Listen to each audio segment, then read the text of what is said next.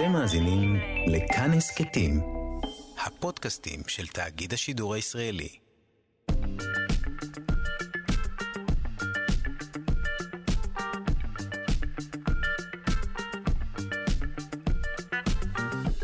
שלושה שיודעים. שלום, בוקר טוב לכם, מאזיני שלושה שיודעים, תוכנית המדע והידע של ישראל. מקווים לשלומכם טוב הבוקר. לקראת הבחירות, נשאל האם לדעות פוליטיות יש מקורות ביולוגיים. כמו כן נספר לכם שחוקרים הצליחו להחזיר לחיים תאים של חזירים שמתו. אנחנו מקווים uh, להגריל uh, חיי נצח בין המאזינים שלנו הבוקר, אז יישארו איתנו. העורכת היא אלכס לויקר, איתי כאן באולפן, תמר בנימין, עזרה בהפקת טל ניסן, על הביצוע הטכני. תמיר צוברי, אני שרון קנטור. מזכירה לכם שאנחנו משודרים בכל יום, שעה שבע בבוקר, ובשידור חוזר בשעה שמונה בערב, במשך שעתיים. אה, אם אתם לא יכולים להאזין, לא נורא, לא לבכות, אה, אפשר אה, לפתוח אותנו גם כהסכת ולהאזין בזמן ובמקום שמתאים לכם. אנחנו נתחיל עכשיו.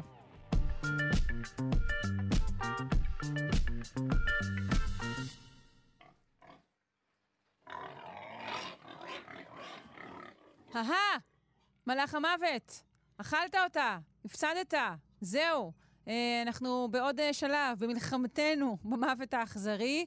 אה, בינתיים הצלחה מסוימת, בעיקר עם חזירים. חוקרים החזירו לחיים תאים של חזירים שמתו. אה, נברר אה, מה זה בדיוק אומר, החזירו לחיים תאים, והאם אנחנו אכן אה, בדרך לניצחון בקרב הנצחי הזה אה, על המוות. אה, נפנה לדוקטור בן מעוז מהמחלקה להנדסה ביו-רפואית ובית ספר סגול למדעי המוח של אוניברסיטת תל אביב. שלום. בוקר טוב. בוקר טוב. איזה אנרגיות על הבוקר. ייי, חיי נצח, מה יותר משמח מזה? נכון, אין ספק. אוקיי, אנחנו מדברים על, אה, על אה, אה, אה, ניסוי, אה, מחקר שפורסם בנייצ'ר בשבוע שעבר. אה, בוא ספר מה באמת קרה שם, ואל תחסוך מאיתנו את הפרטים הגרפיים, בבקשה. אין שום בעיה. אז כן, זה, זה כמו שאמרת, ואפילו יותר מזה, לא, לא מדובר על זה שהם רק לקחו והצליחו להחזיק תאים חיים, הם הצליחו למען אמת להחזיק חזיר שלם. הם אה, לקחו חזיר ועשו לו שבץ, הם אה, עצרו את אה, ליבו, את זרימת הדם, ובעצם החזיר היה ללא זרימת דם. בשלב וללא... זה נפתח סוגריים, ונציין שכבר במאמר צוינו כל האמצעים שגרמו לניסוי הזה להיות כמה שפחות אכזרי, ככל הניתן. אי אפשר להגיד שהניסוי הזה כשר, כי מדובר על חזיר, אבל אה, חוקים בצד, אה, כן, כמובן שכל הניסויים אה, נעשו לפי אתיקות, זה נעשה באוניברסיטת יל בארצות הברית, אה, וכמובן החזיר, כל הסיפור היה בהרדמה, והכל לפי אתיקה של, של עבודה במעבדה. כן, אז החזיר קיבל שבץ מאיתנו, ובעצם מת. נכון, החזיר היה שעה ללא, ללא זרימת דם, ומה שהקבוצה הזאת עשתה, הם בעצם פיתחו אה, מכשיר ש... שהוא, אה, שהוא אה, equivalent של המכשיר אקמו שכולנו שמענו עליו, שזה בעצם מכשיר שמה שהם עושים שם הוא מכשיר ש... שמאוד מורכב, הוא בעצם אה, תוקף את הבעיה שלנו בכמה מובנים של, שלנו, של אה, אנשים שמתים כתוצאה משבץ. הבעיה הראשונה היא שכשהלב מפסיק לעבוד אין לנו יותר אה, זרימת דם בגוף, נכון? אז הם בעצם דאגו לבנות איזו משאבה מיוחדת שגורמת לזה שיהיה לנו זרימה מחודשת בכל האיברים. בעיה שנייה היא שכשאין לנו, שאנחנו לא, לא חיים, שהלב לא עובד והריאות לא עובדות, אז בעצם אין לנו אוויר שמגיע. אז גם במכשיר הזה שהם בנו יש אפשרות שהדם כל הזמן עובר חמצון ו- ומגיע חמצן ככה לאיברים השונים. וזה מונע את הצפידה. אבל רגע, הם, הם הזריקו להם תמיסה כלשהי, נכון? אז, אז זה, זה, זה, זה, זאת אומרת, המכשיר עצמו, זה מה שהוא עושה, הוא בא והוא גורם לזה שיהיה לנו זרימה okay. של דם, והוא גורם לזה שיהיה לנו גם חמצן שייכנס, אבל uh, מה שכן קשור למה שאת אמרת, וזה נכון שהם הכניסו להם איזה, איזה תמיסה מסוימת, את, בעצם המכשיר הזה שהם בנו זה לא סתם איזה משאבה שזורמת, הם גם עשו שם דברים מאוד מיוחדים, שהם לא הזרימו את הדם שיש לאותו, לאותה חיה, הם הזרימו מעין תמיסה מיוחדת שהם בנו, שהתמיסה הזאת, מטרתה זה בעצם לבוא ולשקם את האיברים הפגועים. על ידי זה שהם עושים התאמה של הדברים הפיזיולוגיים אה, בעזרת התמיסות האלה. מה הכוונה? אה, שוב, כשאנחנו מפסיקים לנשום, אז uh, תאים מתחילים למות, והם מתחילים לשחרר כל מיני חומצות, והם מתחילים לשחרר פחמן דו-חמצני, והם מתחילים לשחרר כל מיני דברים לדם, והדם נהיה מאוד מאוד uh, חומצי, והדם נהיה uh, משהו שצריך uh, לפנות את כל הרעלים שנוצרים בדם. מה שהם עשו, הם פיתחו תמיסה מיוחדת שגורם לזה שהדם יהיה פחות חומצי ושכל מיני, אה, אה, נקרא לזה, אשפה וזבל שמתפנה לתוך הדם, אה, לא יהיה מזיק. כן, שהוא לא, לא מדובר באשפה אה... וזבל שחזירים אוהבים לאכול, אלא דברים פחות טובים.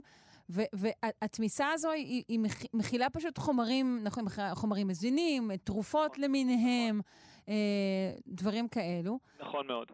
נכון מאוד. היא, היא, עכשיו, גם מה שנחמד במערכת שהם בנו זה שהמערכת הזאת יש לה כל הזמן חיישנים שיודעים לשנות את, ה, את ההרכב של התמיסה שהם uh, מזרימים. כדי לבוא ובעצם uh, לדאוג ל-recovery מהיר יותר. Mm-hmm. Um, ודבר מאוד נחמד שהם עשו בעבודה הזאת, זה, זה קודם כל הם הראו ששעה אחרי שבעצם החזיר uh, הפסיק את ה... זאת אומרת, הלב של החזיר הפסיק לעבוד, שעה אחרי זה הם חיברו אותו למכשיר שלהם, ובעצם הם הצליחו להראות שבמשך כמה שעות האיברים בעצם החזירו את הפעילות שלהם. שזה הדבר המאוד מאוד אה, מרשים גם שהם עשו פה, הם הראו mm-hmm. שהכליות חזרו לעבוד, הריאות חזרו לעבוד, הלב חזר לעבוד, והפעילות של האיברים האלה חזרה. מה לגבי המוח? שואלים יפה, אותי פה אז, כולם. יפה, אז לגבי המוח, מסתבר, ש... זאת אומרת, אני ראיתי את העבודה הזאת שפורסמה עכשיו בנייצ'ר, אה, שבאמת בא לפני אה, כשבוע, ו... ואמרתי, וואו, זו עבודה מדהימה, באמת, מה קורה עם המוח? אז בעצם כשמתחילים לקרוא את העבודה שלהם, מסתבר שב-2019 הם עשו עבודה רק על המוח. הם השתמשו באותה שיטה, שהם קראו לזה, עכשיו הם קוראים לשיטה שלהם Organ אה, אקס, אז הם קראו לשיטה שלהם BrainEx. שאז מה שהם עשו, וזה בצורה... זה, זה כבר שמות כל כך טובים שזה נשמע לשיווק, כאילו על המדפים, BrainEx, OrganEx. BrainEx, OrganEx, לגמרי, אני כבר רציתי לראות אם אפשר לקנות את זה. לגמרי, שיהיה בבית, כדאי, ליתר ביטחון. לגמרי, שעה אחרי ואתה כבר מחובר. אז מסתבר שב-2019 הם כבר עשו עבודה שהם הראו את המוח, שזה, שזה, מחז... שזה לא מחזיק את הפעילות של המוח, נקרא לזה ככה, ושזה מחזיר את ה... את ה... את ה... שזה מונע מוות של תאים במוח. הם עשו את זה, ב... תראי, לשמחתי השיחה הזאת מוקלטת. אז את תוכלי לגלגל אחר כך ולראות שאמרתי, אל, אה, אל תשמיט שום פרטים עסיסיים. אז uh, הנה אנחנו באים לפרטים עסיסיים. מה yes. שהם עשו, הם uh, באו והם הוציאו מוח. זאת אומרת, הם הוציאו רק את המוח של החזיר, והם uh, ככה חיברו את המוח של החזיר ישירות לאיזושהי משאבה, ואז בגלל שהמוח, זאת אומרת, היה בחוץ, אי אפשר היה לבוא ולבדוק את הפעילות של המוח, uh, זאת אומרת, איך זה משפיע על, ה, על היכולת של החיה לזוז, לראות, לחשוב, לשמוע, אבל הם כן uh, השתמשו ב-MRI ובאמצעים אחרים על מנת לבוא ולראות את הפעילות של המוח מהבחינה הזאת, שהזרימה okay. היא תקינה, שהאזורים של המוח לא מתחילים למות אחד אחרי השני, והם הראו בעצם, אז כבר ב-2019, שיש בעזרת המכשיר הזה, שהם פיתחו, אה, והפרוטוקול שהם פיתחו, אז הם יכולים לשמר את המוח אה, כמה שעות אה, אחרי שהמוח... אז את זה כבר פתרנו ב-2019, ואתה אומר בעצם שהאורגנקס, מה שבעצם התמיסה שאיתה עבדו כעת, היא השלב הבא. השלב שמשאיר בעצם את, ה, את, ה, את התאים ואת האיברים, מחזיר אותם לתפקוד. כן, כי אחת, נכון? כן, כן, בהחלט, כי אחת מהבעיות הגדולות, אם, אם את חושבת על זה רגע ב, ב, בצורה מאוד פרקטית, זאת אומרת, אה, יש לנו כמה איברים מאוד מאוד מאוד אה, אה, קריטיים כדי לחיות, ו, וכולנו יודעים את זה שאנחנו עוברים את, ה, את, יודעת, את העזרה הראשונה, ישר אומרים לנו, תעשו פתיחה של אוויר ותתחילו לעשות ניסויים על מנת שיהיה לנו דופק. ולמה זה? כי אנחנו קודם כל חייבים שיהיה לנו אוויר, שיהיה לנו חמצן, ושהחמצן הזה יגיע לאיברים השונים, ולכן אנחנו צריכים שהלב יפעל. אה, ולכן הבעיה היא ש... ש... זאת אומרת, ש... שאתה לוקח איבר ואתה פשוט מחבר אותו למשאבה, אז זה, זה, זה, זה פשוט, אבל המציאות היא לא שמישהו נופל ברחוב, אתה תוציא לו את המוח ותחבר את זה למשאבה, אתה צריך איכשהו לטפל בכל הגוף. והבעיה היא שהם ניסו לפתור בעצם איך אתה מצליח, למרות שעבר הרבה מאוד זמן, אה, להצליח אה, לעשות את זה בצורה יעילה, להביא את כל הנוטריאנטים, את כל החמצן ואת כל הדברים לשאר הגוף. אני אגיד רק אה, עוד הערה אחת, כי אני לא יודע כמה זה נשאר לנו, אז אני אגיד רק הערה קטנה, שאחת מהבעיות העיקריות, וזה גם מה שהם ניסו לתקוף, זה שהגוף, זאת אומרת שהלב מפסיק לפעול, זה לא רק שהתאים שלנו מפסיקים לקבל את התזונה שלהם ואת החמצן שלהם. מה שקורה, גם הגוף מתחיל אה, זאת אומרת, בצורה טבעית בגוף, התאים כל הזמן אה, מפרישים דברים לדם. בצורה טבעית, זאת אומרת, כל הזמן יש לנו הפרשה של דברים לדם, וההפרשה הזאת היא מזיקה לגוף. בגלל זה אנחנו כל הזמן נפטרים מזה. אנחנו, זה יוצא בשתן, זה יוצא בהרבה, בנשימה. והבעיה העיקרית, וזה מה שהם גם uh, פתרו פה, זה שאיך להצליח לחדש את הזרימה ולמנוע מכל הדברים שמופרשים לדם להמשיך לפגוע באיברים אחרי שהאיברים האלה לא קיבלו חמצן הרבה מאוד זמן, מעל שעה. Mm-hmm. זה, זה מאוד מרשים. כן. לפחות uh, uh, ברמה uh, המוצהרת, סלאש המיידית, אנחנו מדברים פה על פוטנציאל uh, uh, גדול מאוד uh, בתחום תרומת האיברים. לגמרי, לגמרי, לגמרי, לגמרי. גם תכננים מזה בעבודה, שבעצם uh, השיטות הקיימות, הם מראים שאו שהן לא נותנות מענה, או שהן נותנות מענה מאוד מוגבל. ואחד מהדברים שהם מצהירים זה שבעזרת המערכת שהם בנו, יחד עם התמיסות שהם בנו והמשאבות שהם בנו, יהיה אפשר אה, לקחת עכשיו איברים ש... שלא היו מחוברים ל... ל... לזרימה במשך כמה שעות, ולהתחיל אה, לרענן את הפעילות שלהם ולהחזיר אותם לפעילות מלאה בעזרת המערכות שלהם. אז בהחלט זה, זה, זה מעין מהפך כזה, שבשאיפה דבר כזה יהפוך להיות, אה, זאת אומרת, יפתחו את זה עוד ועוד, ואנשים שלצערי ליבם מפסיק לעבוד, שיגיעו לבית חולים ואחרי שעה יהיה אפשר לבוא ולשקם אותם. זה בהחלט אה, חזון מדהים כזה, ואנחנו עוד אה, שלב אחד קרוב יותר. כן, זהו, אבל אני אומרת, ברמה הפחות מיידית והפחות מוצהרת, זה בהחלט יכול כן להיות איזושהי פריצת דרך לגבי דברים שחשבנו שהם פשוט בלתי הפיכים לחלוטין, נכון. כמו מוות. כמו מוות, וכמו שאמרת, החזקה של איברים כן. של, של לתרומה ו, ודברים שכאלה, לגמרי לגמרי. כן. אה, טוב, נראה אם זה יישאר באמת אה, בתחום הזה או יזוז לכיוונים אחרים. אני מודה לך מאוד, אה, דוקטור בן מעוז, מהמחלקה להנדסה ביו-רפואית ובית ספר סגול למדעי המוח, אוניברסיטת תל אביב. מאחלת לך חיי נצח מוצלחים. תודה רבה. להתראות. ושיהיה לכם אה, בוקר נהדר. ביי ביי. ביי.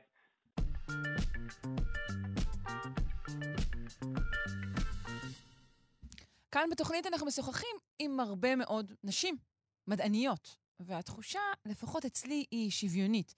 שוויונית במידה שאפשר לומר שהעסק הזה מאחורינו. יאללה, שוויון, רצות עם זה. אבל uh, תחושות לחוד ומציאות לחוד, מחקר חדש מראה שנשים באקדמיה דווקא, באקדמיה, מקבלות פחות קרדיט על uh, תרומתן המדעית uh, לעומת עמיתיהן הגברים. אה, נשוחח עם הפרופסור רחל ארהרד, יושבת ראש אפיק באקדמיה, פורום הפרופסוריות באוניברסיטאות. שלום, בוקר טוב. בוקר אור. מה שלומך? שלומי שמח לדבר על הנושא, וכל פעם שנוגעים בזה מתרגזת. אה, בסדר, קצת אה, כעס שהוא כן. כעס שמעורר פעילות, כידוע, או כעס טוב. כן. אז בואי ספרי על הממצאים האלו שהם, שהם מפתיעים. לא, ממש לא. אוקיי, ממש הם לא מפתיעים אותי. בסדר. נכון, ולכן הם כל כך חשובים, זה שאנחנו החוקרות מכירות את המציאות הזו של האי הוגנות כלפי החוקרות. אבל המחקר הזה הוא מאוד חשוב ויופי שאנחנו משוחחות עליו, וידובר בו רבות, גם בגלל האכסניה, כתב העת נייצ'ר הוא מהיוקרתיים ביותר, וגם משום שהוא התבצע בצורה מאוד מאוד מקורית ומרשימה.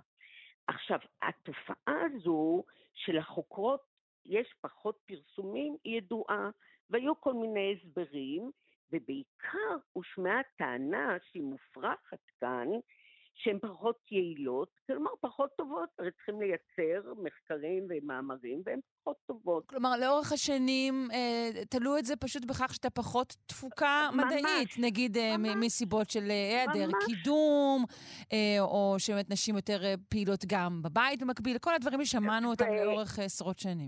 ואולי הן גם פחות חכמות ופחות טובות, והן לא כאלה פורצות דרך. ומה שחשוב להדגיש, שבאוניברסיטה מספר הפרסומים הוא קריטי, הוא חורץ את הגורל, אם מגייסים אותך ואם תקודמי. כן. עכשיו, המחקר הזה, הוא מראה כי נשים בצוותים של מחקר, וזה בדרך כלל במדעים המדויקים, מדעי הטבע, מדעי החיים, שעובדים בצוות, אז פחות נותנים הכרה לחוקרות על התרומה שלהם, משמיטים את השם שלהם, מתעלמים מהם, ואחד המקרים הקיצוניים שכולנו פחות או יותר מכירים, של רוזלין פרנקלין. לה הייתה התרומה הכי נכבדה לגילוי המבנה של ה-DNA, ושני החוקרים שעבדו איתה, הם ממש השמיטו את השם שלה, ורק שנים אחרי שהיא מתה, התברר המעשה הנפשע שלהם. והיום זה עם הקריספר, שג'ייפר ועמנואל שוב התעלמו מהם. עכשיו, מה עשה המחקר ולמה הוא כל כך... רגע, על, על הקריספר זכו שתי נשים. אבל. זה היה בדיעבד, זה היה אחר כך. אחר כך שכמה שערוריות. Mm. וגם על הפטנטים הן פחות מופיעות, זה בדיוק העניין. עכשיו, המחקר הזה שאליו אנחנו מתייחסות, חקרו במשך אה, אה, כ-20 שנה, כמעט אה, עשרת אלפים צוותים של מחקר מ-36 אוניברסיטאות הכי מפורסמות בארצות הברית. כלומר, 130 אלף חוקרים שעבדו בצוותים, והם הוציאו את זה דווקא מהדיווחים האדמיניסטרטיביים של תפקידים ותשלומי שכר והגדרות משרה. כלומר, איזה ניתוח מבריק של נתונים שבכלל לא היו מיועדים, והם אמרו, עכשיו בואו נראה, ואת זה נשווה, והם ישבו ל-40 אלף כתבי עת ולפטנטים. ואז חשכו עליהם, מה רואים? שאם כי החוקרות היו בערך 50% מהצוותים, רק ל-30% בערך נתנו קרדיט. בכלל הזכירו אותם, ציינו אותם, נתנו להם הערכה, נתנו להם מקום, והתייחסו לזה שהן תרמו בדיוק כמו הגברים במחקר. ובעצם הפער הזה, הכל כך דרמטי וכל כך מובהק, והם עשו עוד הרבה ניתוחים על פטנטים, שזה גם עניין של אחר כך מקבלים רצועה וכסף על זה, איך טיפחו את החוקרות שהיו באותו צוות, אז בעצם מה שאומרים לנו החוקרים פה, הפער בכלל לא בפרודוקטיביות, לא ביעילות ולא בתרומה. אלא בהכרה. בהכרה ובהוקרה, או acknowledgement הזה, Mm-hmm. ובתרומה שלהם ובקידום המחקר.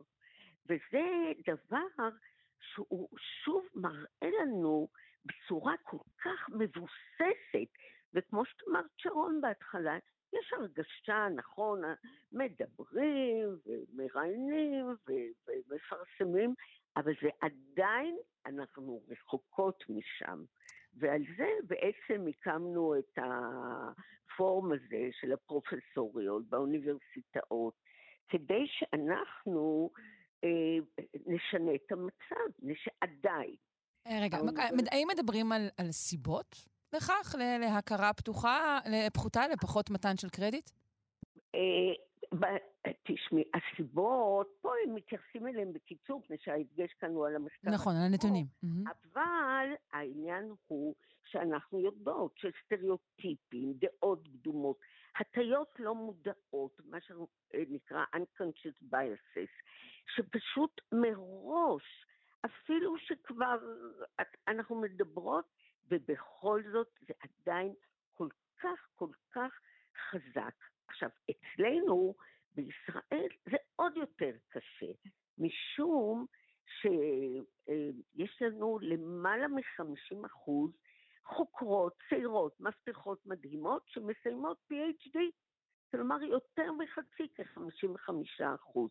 ואז כשאנחנו מסתכלות לתוך הנתונים בתוך האוניברסיטאות, הם פחות מ-20% מהסגל. אז את אומרת, מה קרה פה? ההטיות האלה, התפיסות לגבי אנשים, שגם הם בעצם גורמות לכך שהחוקרות עדיין היום חוות מה שאנחנו מכנות, והמושג הוא אקלים צונן. כן, אני, אני מניחה שבין היתר אה, מדובר עדיין בשאריות של משהו מהעבר, שכן ידוע שאנשים נוטים לקדם, למשל, אנשים שדומים להם, בין נכון. אם במודע ובין אם לא במודע. אז כל עוד אנחנו עדיין סוחבים שאריות של רוב גברי מעשורים קודמים, ייתכן שזה מתבטא גם בקידום היום, נכון? מאוד, מאוד מאוד. עכשיו, לו זה היה שאריות, זה היה טוב, אז היה קצת. אבל זה הרבה, משום שאני אתן לך עוד דוגמה אחת לגבי תפקידים בכירים באוניברסיטאות שלנו. ויש פרופסוריות מדהימות, פורצות דרך, מפורסמות, ובסוף הרוב הוא גברי מובהק. הנשיאים, הרקטורים, הדקנים, כלומר, כל מה שאנחנו יודעות על שליטה ועל כוח ועל יוקרה ועל כסף, עדיין מעבר לשאריות, נתון בידי הגברים. אז רגע, אז בואי, אז בואי נחשוב רגע באופן רדיקלי. אולי מדובר בנטייתן המבורכת והטובה של נשים לעסוק פחות במנגנוני שליטה? לא, ממש לא, ממש לא. גם שהיו כיום התמודדויות של חוקרות לתפקידים בכירים, ככלות הכל, עדיין, כפי שאת אמרת, הרוב הגברי בוחר את הגברים, ונשים זה לא שליטה, זה מדובר על השפעה, על מדיניות, על מודלים לסטודנטיות. כלומר, בהחלט אה, אה, הקמנו את, ה, את הפורום הזה של אה, אפיק באקדמיה, והנה, רק פרסמנו, נרשמו מאות חוקרות, שכל אחת אומרת, אני הייתי שם, אותי הקטינו, אותי לפעמים הדירו, התייחסו אליי כרגשנית, התייחסו אליי ביחס שהוא מקטין אותי, אה, מזיז אותי קצת הצידה, אפילו בדברים הקטנים ביותר. הם עדיין, זה השרידים, השירים, ובדיוק על זה אנחנו עובדות. עד כמה באקדמיה יש אה, מה שמכונה אפליה מתקנת? כלומר, תקנים, כל מיני דברים שמיועדים לנשים בלבד? לא, לא, לא, לא, לא, אין, לא, אין, בכלל לא. ועד כמה את בעד רעיון כזה? אני נגד מוחלט. נגד מוחלט, יפה. נגד מוחלט, הן מצוינות, הן מעולות, הן גמרו, הן חוקרות מדהימות, נגד, נגד, נגד. אנחנו רק רוצות שבערך, בדיוק כמו במחקר שבו התחלנו, ייתנו לנו רק את ההערכה, את ההכרה, את ההוקרה, ושמגיעה לנו. זה פשוט הוגנות, ולכן אנחנו משתמשות במושג הוגנות, אקוויטי. זה אומר שהארגון, המערכת, הפרקטיקות שלה, ההתנהלויות שלה, הן פשוט לא הוגנות כלפי נשים. זה העניין. אני מבינה. Uh, טוב, נקווה שהדבר ישתנה. אני אפילו משוכנעת שהוא ישתנה. בטוח, uh, לפחות ברבות. הזמן, אם לא בזכות uh, המאבקים שלכם.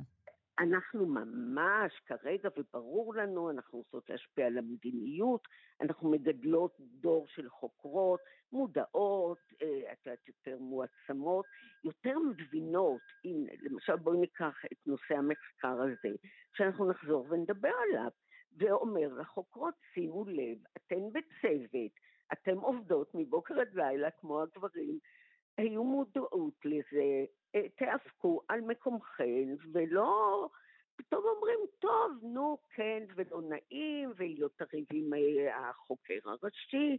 יש פה הרי הרבה עניינים של כוח, ו... נכון. שוב, אני, אני אומרת שאני באופן אישי, ואולי זאת עמדה שנשמעת מופרכת, הייתי שמחה דווקא אם הגברים היו מאמצים יותר אה, אה, אה, אקטים של אה, הליכה אחורה, או דברים כאלה, מאשר שנשים ייכנסו במלוא אה, כוחן אל מאבקי הכוח, או דברים לא, כאלה. לא, שרון, את, רגע, זה בא יחד, זה לא אלה אחורה ואלה מסתערות קדימה. אנחנו יחד ב, ב, בתהליך הזה, כן. משום שהיום גם חוקרים, אנחנו גם רוצים שהם יראו את המשפחה והם יאזנו בין הדברים והם לא יהיו, כלומר, צריך להיות יחד. זה נכון. והמדע, והנקודה המרכזית כאן היא שבעצם הביחד הזה, ההוגנות הזו והשוויון מייצרים מדע יותר טוב. יפה, זה נכון מאוד. אנחנו נאלצות לסיים כרגע, פרופ' ארהרד, אני מצטערת, אבל אה, אמר, אמרת יפה. תודה רבה. תודה. אה, נמשיך לעקוב אחרי הנושא הזה. פרופ' רחל ארהרד, יושבת ראש אפיק באקדמיה, פורום הפרופסוריות, אה, הפרופסוריות באוניברסיטאות, חפשו אותו. תודה רבה, להתראות.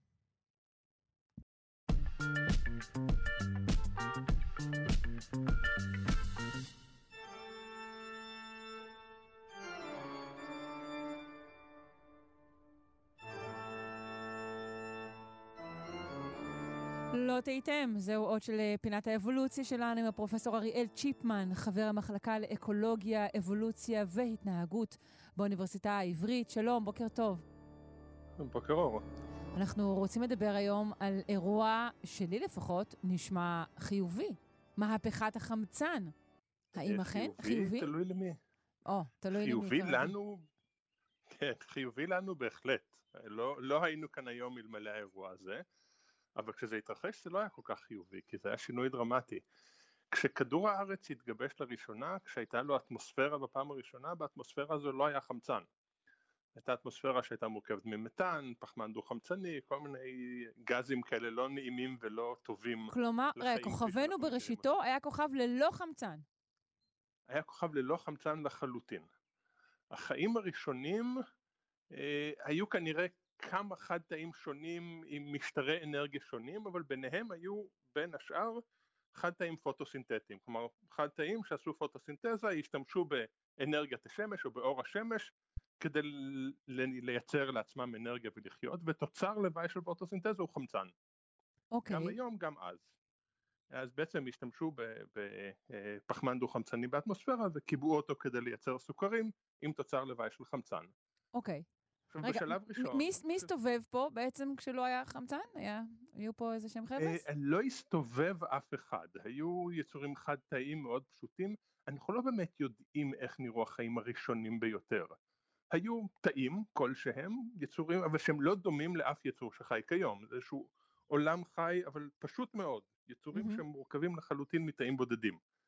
אה, וגם אנחנו לא יכולים לעשות הבחנה בין חיות לצמחים, כי אנחנו מדברים עדיין על תאים בודדים. כן, כן, לא חיות ולא צמחים. אז אותם, נכון, אז בין אותם יצורים חד תאיים היו כאלה שהיו פוטוסינתטיים, השתמשו באור השמש ותוצר לוואי של התהליך הזה הוא חמצן. וחמצן משתחרר ומשתחרר ומשתחרר ובשלב ראשון זה לא עושה כלום כי, כי היקף החיים הוא כל כך קטן יחסית לגודל של כדור הארץ שבאמת לא משתנה שום דבר. אז השינוי הוא מינורי בהתחלה. Mm-hmm. אז השינוי הוא מינורי, אנחנו מדברים על לפני שלושה וחצי מיליארד שנה. במשך למעלה ממיליארד שנה עדיין לא קורה כלום מבחינת אטמוספירה. אז אפשר לשאול למה לא קורה כלום, משתחרר כל הזמן חמצן, רוב החמצן בשלב הזה נבלע באוקיינוס. הוא נבלע באוקיינוס ומתחבר עם כל מיני, לא רוצה להיכנס לכימיה מורכבת, אבל מתחבר עם כל מיני ברזל שנמצא שם בשוקע. אוקיי, וזה, וזה, לא, וזה לא מעניין את אותם יצורים בשלב הזה. וזה לא מעניין את אותם יצורים, הם מייצרים חמצן, החמצן נבלע. באיזשהו שלב האוקיינוסים מגיעים למקסימום חמצן שהם יכולים לספוג, ואז חמצן מתחיל להצטבר באטמוספירה. וזה קורה לפני בערך שני מיליארד שנה, עדיין מאוד מאוד מזמן. אז בפרק זמן קצר יחסית למיליארדי השנים שעברו, פתאום יש עלייה בריכוזי החמצן באטמוספירה, שאת אומרת, כן, לנו זה נשמע כמו דבר טוב, אבל לחיים שלא מורגלים בחמצן זה דבר רע מאוד, כי חמצן, אנחנו יודעים, הוא מאוד ריאקטיבי, חמצן מתחבר לדברים מאוד בקלות ומאוד באלימות. כן. אז בעצם, כל, זה, זה היה סופם בעצם של כל היצורים האלו, העל-אווירניים? זה היה סופם של חלק גדול מאוד מהיצורים האלה, הייתה איזושהי הכחדה של אותו עולם חי שהתקיים במשך למעלה מיליארד, מיליארד שנה, חלק גדול ממנו, ממנו נכחד בגלל שהוא לא היה מורגל לחמצן. היית אומר שזו אולי בתוך- ההכחדה ההמונית הראשונה, או הראשונה שידועה לנו? יש, יש טענה כזו, שזו הייתה, יכול להיות שהיו עוד הכחדות לפני זה שאנחנו לא אהה. מודעים לקיומן בכלל, אבל זו הכחדה ההמונית הראשונה שאנחנו מודעים לה, וזו הכחדה המונית של עולם חי חד-תאי שאנחנו לא יודעים אפילו מה הוא היה. בתוך אותה קבוצה של יצורים חד-תאיים היו קבוצה שדווקא ידעו לנצל חמצן. ואותם יצורים שידעו לנצל חמצן הם בעצם אבותיהם של כל מי ששרד. אז כל הביולוגיה שאנחנו מכירים כיום היא ביולוגיה שבנויה לנצל חמצן. כן. כי כל תהליכי פירוק סוכר מהמקורות האנרגיה שלנו הם הרבה יותר יעילים בנוכחות חמצן. אז בעצם אותם יצורים שידעו לעשות את הטריק הזה, לעשות את השינוי הזה ולנצל את החמצן לא כמשהו מזיק אלא כמשהו מועיל, הפכו להיות הדומיננטים וכמעט כל עולם החי שאנחנו מכירים מחיידקים ועד פילים מאז ועד היום מבוסס על חמצן כשיש איזשהו ענף קטן מאוד בעולם החיידקים המונח שהזכרת קודם החיידקים על אווירניים חיידקים שדווקא לא יודעים להתמודד עם חמצן הם איזשהו שריד אחרון של עולם החי שהתקיים לפני מהפכת החמצן. שומרים על המסורת, שומרים על מסורת. אפשר להגיד. כן. היה- היו אלה שהם מאפיינים שאתה יכול אה, לנקוב בהם לאלו שכן הצליחו לשרוד? אז המאפיינים זה יכולת לקחת חמצן ובעצם למנוע ממנו להתרכב עם כל החלבונים שנמצאים בתוך התא ודווקא לשים אותו בעברונים מיוחדים שם הוא, שם הוא עשה את העבודה שלו ו, ושימש ל, ליצירת אנרגיה. שוב כל העולם שאנחנו מכירים כיום כולו צאצא של אותם יצורים שידעו לעשות את זה. עכשיו צריך להבהיר אנחנו לא מדברים על חמצן ברמות של היום אנחנו מדברים על משהו כמו אחוז אחד, כמו פי מאה פחות חמצן משיש באטמוספירה כיום. העלייה לריכוזי חמצן שאנחנו מכירים כיום לקח לה עוד מיליארד שנה.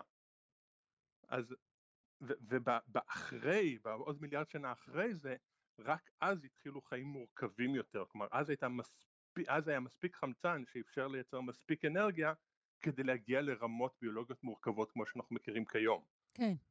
אז, אז אותה מהפכה הייתה מהפכת חמצן ראשונה מתוך שתיים או שלוש שהתרחשו אחרי זה. Mm, אוקיי.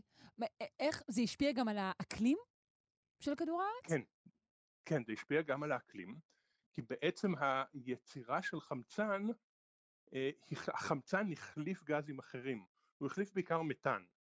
אז מתאן זה גז שהוא מאוד מאוד נדיר באטמוספירה כיום, אבל הוא היה מאוד נפוץ באטמוספירה אז, מתאן הוא גז חממה מאוד חזק, אפילו יותר חזק מפחמן דו-חמצני. ברגע כן, שהתחיל היום אנחנו לא באטמוספירה- אוהבים מתאן, אנחנו מציינים אותו בהקשרים פחות טובים. נכון, נכון. אז בעצם עם הכניסה של החמצן, שהחליף את המתאן ובמידה מסוימת הפחמן הדו-חמצני, הטמפרטורה של כדור הארץ ירדה, וכדור הארץ הגיע לטמפרטורות שהן גם יותר סבילות לחיים כפי שאנחנו מכירים אותם. אז כנראה טמפרטורה של אותו עולם קדום לפני מהפכת החמצן, לא רק שלא היה חמצן, גם היה הרבה יותר חם מהיום. אז כן, השינוי היה גם אקלימי, גם ביולוגי, גם גיאולוגי, אגב, אפשר בסלעים ובמינרלים מלפני מהפכת החמצן ואחרי מהפכת החמצן, יש כמובן סלעים שונים לחלוטין. יש סלעים שנוצרים בנוכחות חמצן ויש סלעים שנוצרים בהיעדר חמצן, אז כמעט בכל אמת מידה כדור הארץ השתנה מאוד באותו שינוי לא מהיר מאוד, אבל מהיר בסקלות גיאולוגיות שהתרחש לפני בערך שני מיליארד שנה. אנחנו רואים, ראינו סלעים אה, מה- מהתקופה הזו? או שאנחנו משערים? אה, אנחנו רואים סלעים מהתקופה הזו בהחלט.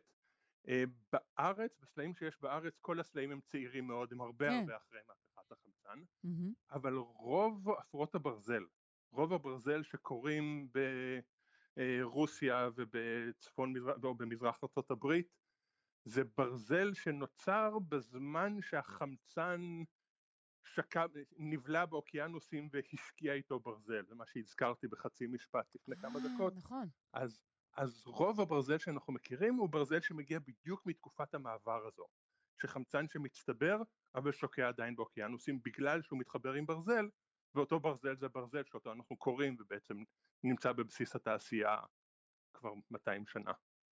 וואו. טוב, מדהים. אה, הכחדה ראשונה, ככל הידוע לנו, לפני שני מיליארד אה, שנים, שבעצם הייתה הבסיס אה, לחיים שלנו היום. אני תמיד חושבת על מה זה מבשר על הכחדות עתידיות, אבל אין מה לחשוב בבוקר הזה על, על, על הכחדות עתידיות.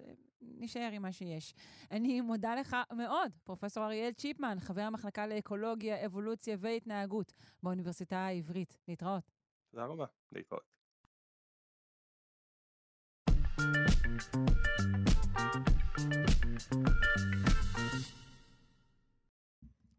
או, אייטם נפיץ. אנחנו נשתדל להלך בו בזהירות. And I think any Jewish people that vote for a Democrat, uh, I think it shows either a total lack of knowledge or great disloyalty. או, אותו קול חביב שאנחנו שומעים פחות ופחות. אה, אנחנו רוצים לשאול, האם לדעות פוליטיות יש מקורות ביולוגיים?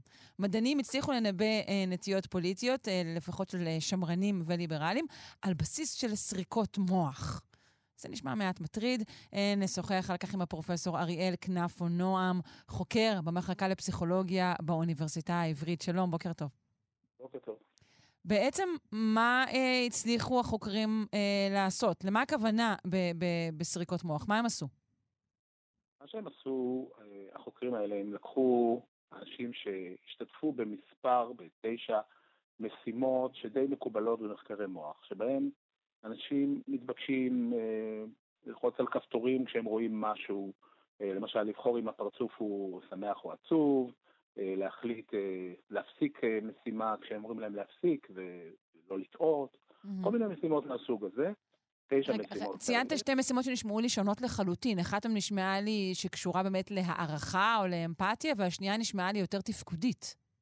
ממש, הם ממש לקחו טווח מאוד רחב של משימות. אוקיי. Okay. וזה אולי אחד היתרונות הגדולים של המחקר הזה, טווח רחב של משימות. והם אמרו בו, למעשה הם בעצם משתמשים בנתונים שהם נאספו קודם, הסתכלו על אנשים שביצעו את המשימות האלה, תוך כדי זה שהם נמצאים בתוך אה, אה, מכונה שנקראת אה, FMRI, שהיא סוג של סורק מאוד מאוד גדול, שמשתמשים בו במחקר רפואי, אבל גם מאוד מאוד מקובל במחקרי מוח. אוקיי. Okay. הסורק הזה מסתכל על שינויים ב... שינויים במוח כפי שהם קורים, להתבסס על זרימת הדם, לא כל כך חשוב איך זה קורה, אה, ואז אפשר לראות שינויים לאורך זמן במהלך המשימה, והם לקחו המון המון דאטה, המון המון נתונים שנאספו מהמשימות האלה, וניסו לחבר אותם להעדפה אה, קונסרבטיבי, שזה במקביל קצת לימין אצלנו, ו, אה, וליברלי. זהו, תכף, תכף, תכף ניכנס בדיוק, כי, כי כן יש הבדל גדול בין ימין ושמאל אצלנו לבין ליברלי או שמרן אה, באמריקה, אבל בואו נמשיך עם המחקר. ובסופו אה, של דבר, מה שאפשר, יש המון המון מחקרים גם על הנושא הזה, שמראים שאפשר לזהות פעילות יחסית, אה, שינוי בפעילות היחסית אצל אנשים מסוגים שונים, זאת אומרת שהמוח שלנו מגיב בצורה שונה בהתאם למי אנחנו, שזה אולי לא כל כך מפתיע, אה, והם מתעניינים יותר בחיבורים בין אזורים, זאת אומרת בזה. אנחנו היום לא, לא חושבים על המוח בתור uh, מקום שבו יש uh, אזורים שפועלים כל אחד בנפרד, זו, זו תפיסה ש, שפעם הייתה מיושנת, אנחנו תמיד שומעים על זה, אבל יותר מדברים על חיבוריות בין חלקים שונים של המוח, רשתות שעובדות. Mm-hmm. אז הם ברור שהרשתות של האנשים האלה עובדות בצורה שונה, ואפשר, שזה בגלל שאנחנו שונים זה מזה, ואפשר לחבר את זה במידה מסוימת ל, אה, ל, לאופן, אה, לנטיות שלהם. אך, אה, אני, אני רואה פה שהם אומרים שאפילו ללא שום גירוי, הקישוריות של המוח אה, יכלה לעזור להם לנבא את הנטייה הפוליטית. למה הכוונה ללא שום גירוי? ככה סריקת מוח של אדם כרגע, תמונת מוח, יכולה אה, לנבא אה, למי הוא יצביע? כן, בואו בוא נתחיל מזה שאין כזה דבר שום גירוי. המוח הוא מין מערכת, אני לא מומחה, לא חוקר מוח, אבל המוח הוא מערכת מאוד מיוחדת. שיש לה כל הזמן גירויים uh, עצמיים. אנחנו יכולים פשוט לשבת uh, בלי לעשות שום דבר ולחשוב. מי שהיה פעם במכונה כזאת יודע שזה uh, מאוד uh, רועש, ו... ואתה שוכב וכן הלאה, יש כל מיני דברים שקורים, וגם uh, סתם כשאנחנו יושבים ו... ולא חושבים על שום דבר, אנחנו כל הזמן חושבים. אז אין כזה דבר באמת שום גירוי, יש שום גירוי חיצוני. היינו אולי. רוצים אולי שיהיה, אבל אין, כן. אולי, כן, אולי, אולי עם מדיטציה אפשר להגיע לזה. אין שום, אין, אין גירוי חיצוני, ובכל זאת יש אזורים שפועלים ויש אזורים שפועלים עם קשר ביניהם, זאת אומרת שכשאזור אחד פועל אז האזור השני פועל במקביל, ואפשר להראות את הקישוריות, ועל זה הם יסתכלו גם כן. אוקיי. Okay. הם נותנים דגש מיוחד אה, ל, ל, למשימה אה, שהייתה קשורה לאמפתיה דווקא. תוכל לפרט טיפה על המשימה הזו? האמת היא שאחד הדברים שאני חוקר זה אמפתיה, ולכן ישר רצתי לראות מה סוג המשימה, ויכול להיות שיש אה, איזו טעות במאמר, כי התיאור לא נשמע לי כמו תיאור של אמפתיה כל כך. אה, הם רואים, אה, הנבדקים יושבים, הם נמצאים בתוך המכונה, ואז יש להם בעצם אפשרות ללחוץ על שני כפתורים בדרך כלל, והם רואים פרצופים. והפרצופים האלה יש להם הבעת פנים, שמחה, עצובה וכן הלאה. והמשימה שלהם זה לא לזהות אם זה אה, פרצוף עצוב או שמח, אלא לזהות אם זה זכר או נקבה. כאשר הטענה היא, מה שאני מעריך, אה, לא, לא פירטו, הטענה היא שהחשיפה הזאת לרגשות אצל אנשים אחרים, בעצם המשימה היא, שונה מהמשימה של בואו תזהו מה הרגש, אבל החשיפה הזאת לרגשות השונים מפעילה אצלנו מערכות אמפתיות. כשאנחנו mm, רואים okay. מישהו סובל, אז המוח שלנו מגיב קצת אחרת מכשאנחנו רואים מישהו אה, אה, שמח, וזאת משימת האמפתיה שלהם. Mm-hmm. פשוט, אבל הם טענו שהמשימה הזו אה, אה, הביאה אולי לניבוי מדויק יותר או מובהק יותר, נקרא לזה, והם טוענים שיש... זה מה שמצביע על הקשר בין מחשבה פוליטית לתגובות רגשיות, שזה נשמע כמו משהו שהוא אה, כמעט מובן מאליו. עכשיו אני רוצה לשאול אותך, כי באמת אה, ימין ושמאל אה, באמריקה זה לא בדיוק אה, כמו כאן, כי באמת ההבחנה יותר בין ליברלים ושמרנים, אה, אם נגיד את זה בפשטות, אה, אולי אנשים שמקדמים אה, אה, ערכים... אה, בוא נאמר, ותיקים יותר, ערכים שמרניים יותר, לבין אנשים ש, אה, שמוכנים, אה, אה, פתוחים בכל עת לקדמה. אנחנו רואים את זה גם במחקרים נוספים, שמדברים על, על היעדר פתיחות מסוימת אצל שמרנים לכל מיני דברים מדעיים. אז זה לא דומה ל- לימין ושמאל בישראל. יכול להיות שמחקר כזה היה אה, פחות מובהק בישראל, אני חושבת. קודם כל, המערכת בישראל היא מאוד שונה באמת מהמערכת האמריקאית, אבל עדיין צריך לזכור שההבחנה הזאת בין אה, שמרן נקרא לזה פתוח, אה, היא הבחנה מאוד מאוד משמעותית שבעצם מחקרים על ערכים מראים שהיא קיימת בכל תרבות שנבדקה, כולל במדינות לא דמוקרטיות. בכל תרבות יש לנו אנשים שהם יותר שמרנים ויש לנו אנשים שהם יותר פתוחים. זהו, אבל ברגע שאנחנו מציגים את זה כך, ברגע שאנחנו מציגים את זה כך, ולא כשאנחנו מדברים על, על למה הוא יצביע, אז זה נשמע הרבה יותר הגיוני ש, שסריקת מוח תגלה דבר כזה. קודם כל, נכון. אני חושב, ש, אני חושב שאין לנו בעצם אה, בהכרח הבנה של מה קורה כשבן אדם אומר לך, אני הולך... אנשים מגדירים את עצמם במחקר. אני, אני יותר שמרני, אני יותר פתוח, אבל באמת שאלה על מה, כי יש לנו גם הרבה מאוד ממדים. בארץ אנחנו רואים את זה שהמערכת הפוליטית שלנו בנויה על כמה ממדים. אבל גם שם היה נחמד אם הם היו שואלים אנשים באמת על מה, מה חשוב לך בחיים, ולא רק על האם אני שמרן או לא, שזה בעצם גם סוג של הזדהות קבוצתית. נכון. אחד הדברים שהם מראים שם במחקר, שזה נמצא, שלא יפתיע אף אה, אה, מדען מדינה, זה שיש ניבוי די חזק, אה, בעצם מה ההורים שלך, אם היו שמרנים או לא, להאם אתה שמרן או לא. שזה באמת דבר אה, לא מובן מאליו, אבל זה דבר שאנחנו יודעים אותו כבר הרבה מאוד. כן, זה, זה ידוע שאחד המנבאים הגבוהים ביותר למה תצביע זה למה הצביעו הוריך. נכון, והם אבל... טוענים, החוקרים כן. האלה, הם טוענים שהם הצליחו לנצח במרכאות את, ה, את הניבוי הזה בעזרת המדדים שלהם. אני רוצה להגיד כאן משהו, אה, זה נחמד, אה, יש פה בסך הכל 170 נבדקים, 174 נבדקים, ויש פה המון משימות, יש פה תשע משימות. ואומנם הם עשו כל מיני תיקונים סטטיסטיים למדידות מרובות, אבל כשמחפשים עם תשע משימות ועם כל הקומבינציות שלהם, בעצם מאוד יכול להיות שבטוח נמצא משהו. ואז אם כן. אנחנו בטוח נמצא משהו, אז, אנחנו מוצאים איזשהו מודל שאפילו יותר אה, מנבא חזק אה, מההורות ומאיזה שכונה גדלת ומהגיל שלך, שכל מיני דברים שאנחנו יודעים שקשורים לשמרנות. אני הייתי רוצה לראות את זה משתחזר, זאת אומרת הייתי רוצה לראות שייקחו את אותו ניבוי על אנשים חדשים ויראו את זה ויראו את זה קורה שוב. נכון. אני לא בטוח שזה יקרה. אבל... ניתן אולי לשאול גם על העמדות של אלו שעורכים את המחקר. האם אולי צריך לערוך מחקר חדש ובו להפוך למשל את, אה, את כל ה, את האימג'ים שהוצגו, אה, שיהיו על ידי אנשים אחרים? קודם כל, קודם כל זה, זה תמיד טוב אה, לבדוק, הם ספציפית לדעתי, הם לא אספו את הנתונים בעצמם, אלא השתמשו בנתונים קיימים, אבל אני לא רואה, דווקא, דווקא במחקר הזה אני לא רואה שיש, לא נראה שיש איזושהי הטיית חוקרים אוקיי. על, על הדעות שלהם, אבל, יש, אבל זה די ברור שחיפשו ואז גם אה, מוצאים, הייתי רוצה לראות את זה משתחזר, ועם זאת צריך להגיד שדי ברור שחלק מהחשיבה הפוליטית שלנו מבוסס על הפסיכולוגיה שלנו, חלק, חלק מאוד מאוד גדול, והפסיכולוגיה שלנו מבוססת בחלק, בחלק גדול מאוד על מה שקורה במוח שלנו, ולכן אה, זה די סביר להניח שאם אנחנו נעשה מספיק מחקרים גדולים, אנחנו נמצא קשרים מוחיים לתפקודים אה, פוליטיים, וזה לא יהיה מאוד מאוד מפתיע בעיניי. נכון, זה לא מפתיע, השאלה היא תמיד, וזה תמיד ככה מעורר טיפה חוסר נוחות, היא האם ברגע שאנחנו אה, אה, מעתיקים את השיח הזה למקומות שהם אה, פחות אה, אה, מתחום הסוציולוגיה, אלא עוברים אה, לתחום הביולוגיה והמדע, האם לא עלולות להיות לזה השלכות שאינן טובות? כלומר, ניסיונות גם להשפעות אה, בתחום הזה. אני חושבת ש... שאלה, אני חושב שזאת שאלה נהדרת.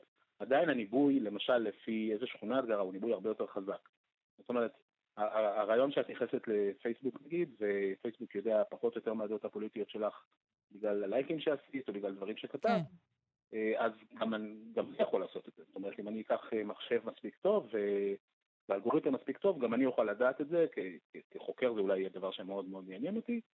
והניבוי שלי בוודאי יהיה יותר טוב מאשר מצב שבו אני אצטרך לבקש ממך ללכת, לשלם לך כמה מאות דולרים שתיכנסי למגנט ולנסות לסרוק לך את המוח באיזושהי דרך. אז אני חושב שהסכנה היא לא כזאת אה, גדולה. טוב, טוב לשמוע. אנחנו, את, ה, את החירויות שלנו, אנחנו אה, בוודאי אה, צריכים להמשיך ולשמר, אה, הפוליטיות והאחרות. תודה רבה לך, פרופ' אריאל כנפו נועם, חוקר במחלקה לפסיכולוגיה באוניברסיטה העברית. להתראות.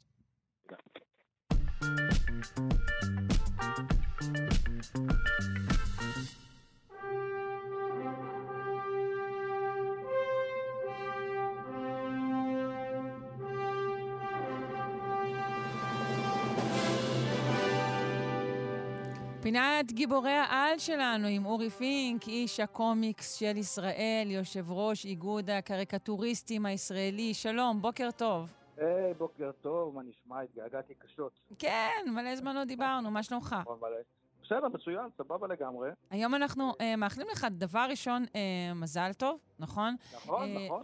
זבנג חוגג 35 שנה, שזה מלא.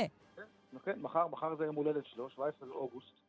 17 לאוגוסט נסעתי עם אשתי לבית מעריב, עמדנו שם, ליד, היה שם מכונות דפוס כאלה, עדיין שם בבית מעריב, והסתכלנו וראינו את הגיליון הראשון עם מעריב לנוער, עם קומיקס זבנג, אה, מופיע שם ככה. וזה, כן, וזה, אני אפילו זוכרת, אני אפילו הייתי קצת נוער עוד, זה מדהים. כן, זה קורה, זה קורה לכולנו. וזהו, ומאז, מאז בעצם, אה, זה היום הולדת שלו. עד היום הוא מופיע במעריב לנוער, זבנג, כן, עד היום יש מדור זבנג במעריב לנוער. כמו שמעריב לנוער היום זה ירחון. אבל יש, אה, יש, אה, בעיקר זבנג היום מתפקד בתור עיתון, כאילו יש לי עיתון, עיתון זבנג, שהוא אה, יוצא פעם בחודש, עיתון היחידי בארץ שהוא רק רק קומיקס, וזהו, ושם עכשיו, אני מחר עושה חגיגות, איפה אני חוגג? איפה, איפה חוגג קומיקס יום הולדת? איפה הוא חוגג? שאלה טובה מאוד. כמובן במוזיאון הקריקטורה והקומיקס בחולון. אה, יפה. אז זהו, מחר אני עושה שם סדנאות, אני עושה שם סדרה של סדנאות. אה, זהו, כולם מוזמנים, כולם מוזמנים מחר למוזיאון הקומץ, יש, יש שתי סדנאות, נעשה שם כיף, אני אלמד את סרט הדמויות, ונחגוג, יהיה כיף, יהיה כיף גדול. עד כמה לאורך השנים, אה, אה, שוב, ככה, ככה אני חווה את זה מהצד, אני, אני רואה עלייה ברמת ה... גם העניין של קומיקס וה, והפופולריות שלו. כן, טוב, תשמעי, זה... דבר ראשון זה תהליך הרבה יותר איטי, כן? זה לא תהליך כזה מהיר. לא. תמיד שואלים אותי, נו, קומיקס נכנס לארץ, קומיקס הצליח בארץ. מהיום הראשון שהתחלתי לפרסם, זה אומרים, נו, קומיקס הוא פופולרי בארץ, זה תהליך איטי, זה הולך לאט לאט. קומיקס זה דבר מאוד רחב, וקצת אה, פה קומיקס היפני, פה הקומיקס האמריקאי, ונפתחות חנויות קומיקס. זאת אומרת, אם היית באת לאורי פינק, אה, ש, שלפני 35 שנה, ומספרת לו שיש אה, מוזיאון קומיקס, ופסטיבל קומיקס, אז הוא לא היה מאמין לזה, הוא היה לא אומר לי, נכון. הוא אומר, פח, ואתה קורא יותר מדי מדע בדיוני וכאלה. אז ברור שזה הרבה יותר, הרבה יותר אה, פופולרי. האמת שזה מוזר, זאת אומרת, אני זוכר שאני התחלתי, אז אה, נגיד היו פוגשים אותי הורים, אז אומרים לי, אוי ואבוי, הבן שלי קורא את הדברים שלך, זה נורא, כאילו, למה הוא לא קורא ספרים רגילים? והיום ההורים באים אליהם, או, או, הילד שלי מחזיק נייר בזכותך. אני מודה לך, אורי פינק. כן, בדיוק, בדיוק. אז אז ככה זה, כן, העולם משתנה, הכל, הכל משתנה. אבל, וגם, אבל גם, וגם, כלומר, הקהל, שוב, להערכתי, אתה, אתה המומחה, הוא לא רק הורחב, אלא גם אה, התמרכז. אני חושבת שכשאני הייתי נערה, אז באמת חובבי הקומיקס ממש היו טיפוסים כמו, ה, כמו איש הקומיקס בסימפסונס, כאילו קצת, אה, בוא נגיד, לא אקרא לזה משולי החברה. אבל... אני חושב שאת פה, את, אה, זאת אומרת, אני מבין את ה, את, איך, איך את מקבלת את הפרספקטיבה הזאת. לא, אבל נכון. היום זה כבר לא ככה, זה מה שאני אומרת. הוא תפס מקום הרבה יותר מרכזי. כן, החבר'ה האלה, אנחנו, הם היו חוד החנית, בגלל זה גם היום הם אה, נחשבים יותר, דווקא האיש הקומיקס הזה, כאילו, גם כמו בסימפסונס, הוא, הם היום אנשים שקוראים את סדר היום, כאילו, הם, זה סדר התרבותי, כן, בגלל שהם היום אה, כל הסרטים של מארוול וכל הדברים האלה הגיעו משם, אז האנשים mm-hmm. האלה כבר הרבה פחות... אה, אבל היום באמת זה... העולם נשלט על ידי חנונים, אני חושבת שבאמת בכל, אחד מהתחומים, זה נכון. ממש ככה, ממש ככה, זהו. עד כמה, ש... עד כמה שינית את ה... את ה... עד כמה השתנו הדמויות אה, לאורך השנים, המון. ובעיקר נגיד בשנים האחרונות, שבהם אנחנו נדרשים להלך אה, ביתר זהירות, עם הדבר שהוא, אתה יודע, זה לחם חוק של קומיקס, זה, זה סטריאוטיפים. נכון, עד נכון. כמה, עד כמה נאלצת, או רצית אפילו, אה, אה, לעדן, להתמתן?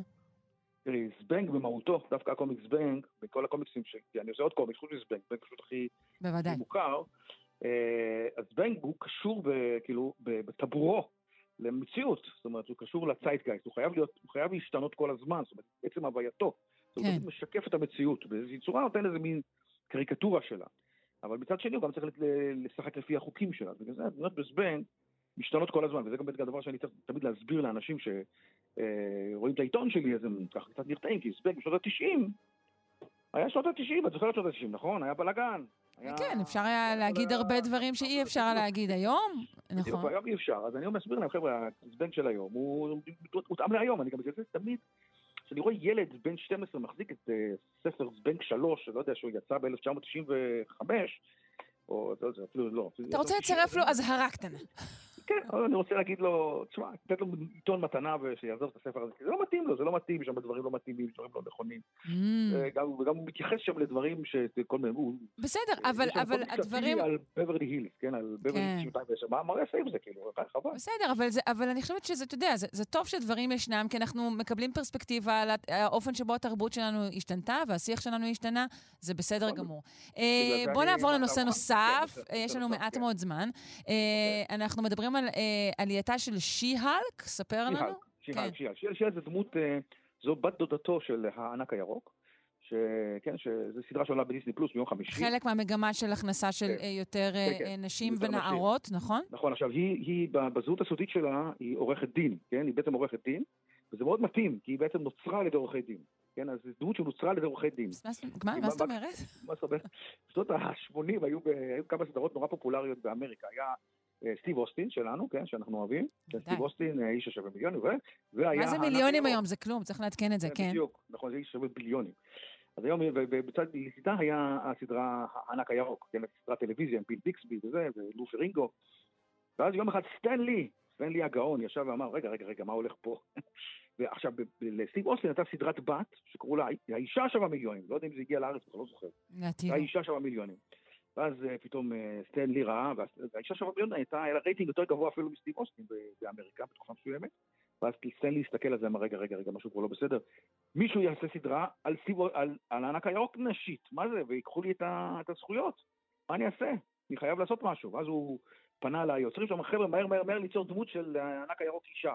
מהר, כן? כדי שלא יתפסו את הזכויות ויעשו סדרה על זה וידפקו אותם. ואז כן, יש פה במובן הזה זה של עורכי דין. ואתה מגדיר אה, את זה, יש לנו בערך חצי דקה. אה, אוקיי. תגיד לי, אני רואה פה את המילה Disneyfication שעוברת על מארוול, אבל ב-20 שניות, אורי.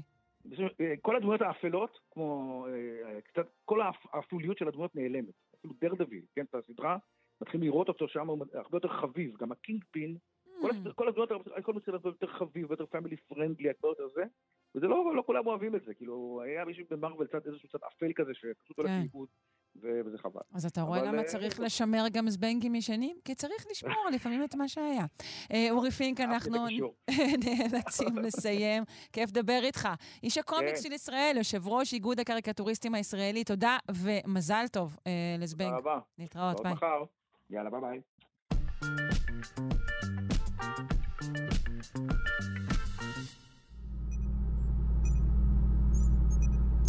כרגיל אנחנו ממשיכים אה, לטעת תקווה במין האנושי לגבי מלחמתו באחד האויבים הקשים והמפחידים שלנו, הסרטן. חוקרים פיתחו אלגוריתם מבוסס בינה מלאכותית שמטרתו חיזוי ההשפעה של מוטציה בגן שמעורב בכ-50% מהגידולים הסרטניים. אה, בואו נשוחח אה, על הפיתוח הזה עם אה, מי שמוביל אותו. הדוקטור שי רוזנברג, מומחה לנוירולוגיה ונוירואונקולוגיה ומנהל המעבדה לביולוגיה חישובית של סרטן במכון שרת במרכז הרפואי הדסה. שלום. בוקר טוב, שרון. בוקר אור, מה שלומך? בסדר גמור, תודה רבה. יופי. אה, בוא, ספר לנו על האלגוריתם הזה ואיך הוא יסייע לנו. כן, אני אתן הקדמה קצרה. Uh, הגן uh, TP53 הוא מנגנון, אולי המנגנון החשוב ביותר להגנה על הגוף מסרטן, כי ברגע שהוא מרגיש שיש יותר מדי מוטציות, שינויים גנטיים בתא uh, של הגוף שלנו, הוא גורם לו התאבדות מתוכננת מראש, וככה הוא מונע סרטן. רגע, רגע, בוא תרחיב לי, מה זאת אומרת התאבדות מתוכננת מראש? התאבדות מתוכננת. כלומר, תא שיש בו יותר מדי מוטציות, הגן הזה גורם להשמדה של התא הזה, ולכן התא הזה לא יתפתח להיות אה, תא סרטני. אוקיי. Okay. Mm-hmm. הסרטן אה, מצא מנגנון להתגבר על המנגנון הזה, על הגן הזה, על ידי זה שהוא פשוט פוגע בגן הזה עצמו, בגן TP53, ויוצר בו מוטציות. חלק, אה, יש אנשים שהם נשאים של הגן הזה, כלומר כל תא בגוף שלהם אין לו את המנגנון הזה, ולכן הם בסיכון מוגבר לסרטן. כלומר, אחוזים רבים של אנשים בעצם יש להם מוטציה שפוגעת בגן TP53, שהוא זה שמגן כן. עלינו. אוקיי. בדיוק, ואין להם, את ה, להם את מנגנון ההגנה הזה, והם בסיכון מוגבר לסרטן, זו מוטציה יחסית נדירה, אבל היא קיימת בלא מעט אנשים. וגורמת ל-50% סיכוי לחלות בסרטן לפני גיל 30. על בנוסף, אילו סוגי סרטן אנחנו מדברים? אה, אנחנו מדברים על אה, סרטנים כמו גידולי מוח, כמו גידולי עצמות, סרקומות, וגם על גידולים אחרים. ואתה מדבר על סרטן מתחת לגיל 30. מתחת לגיל 30, כן. אוי. בסיכון. ובנוסף, הגן הזה פגוע ב-50% מהגידולים, מה שאנחנו קוראים ספורדיים, גידולים שאין להם רקע גנטי, פשוט בתאים של הגידול עצמו, הסרטן כל כך אוהב את המוטציות האלה שהוא נמצא, נמצאות ב-40 50% מה, אה, מהגידולים. עכשיו, הגן הזה יכולות להיות בו 2,314 מוטציות אפשריות, שלגביהם אנחנו יודעים רק על פחות מ-10% האם הן גורמות סרטן או לא, כי יש מוטציות שבכלל לא, לא עושות, הן לא פוגעות בגן, ויש מוטציות שפוגעות בגן. ואז נשא של מוטציה כזאת, אה, הוא לא יודע אם הוא בסיכון לחלות או שהוא פשוט בן אדם רגיל ולא צריך לעשות שום דבר.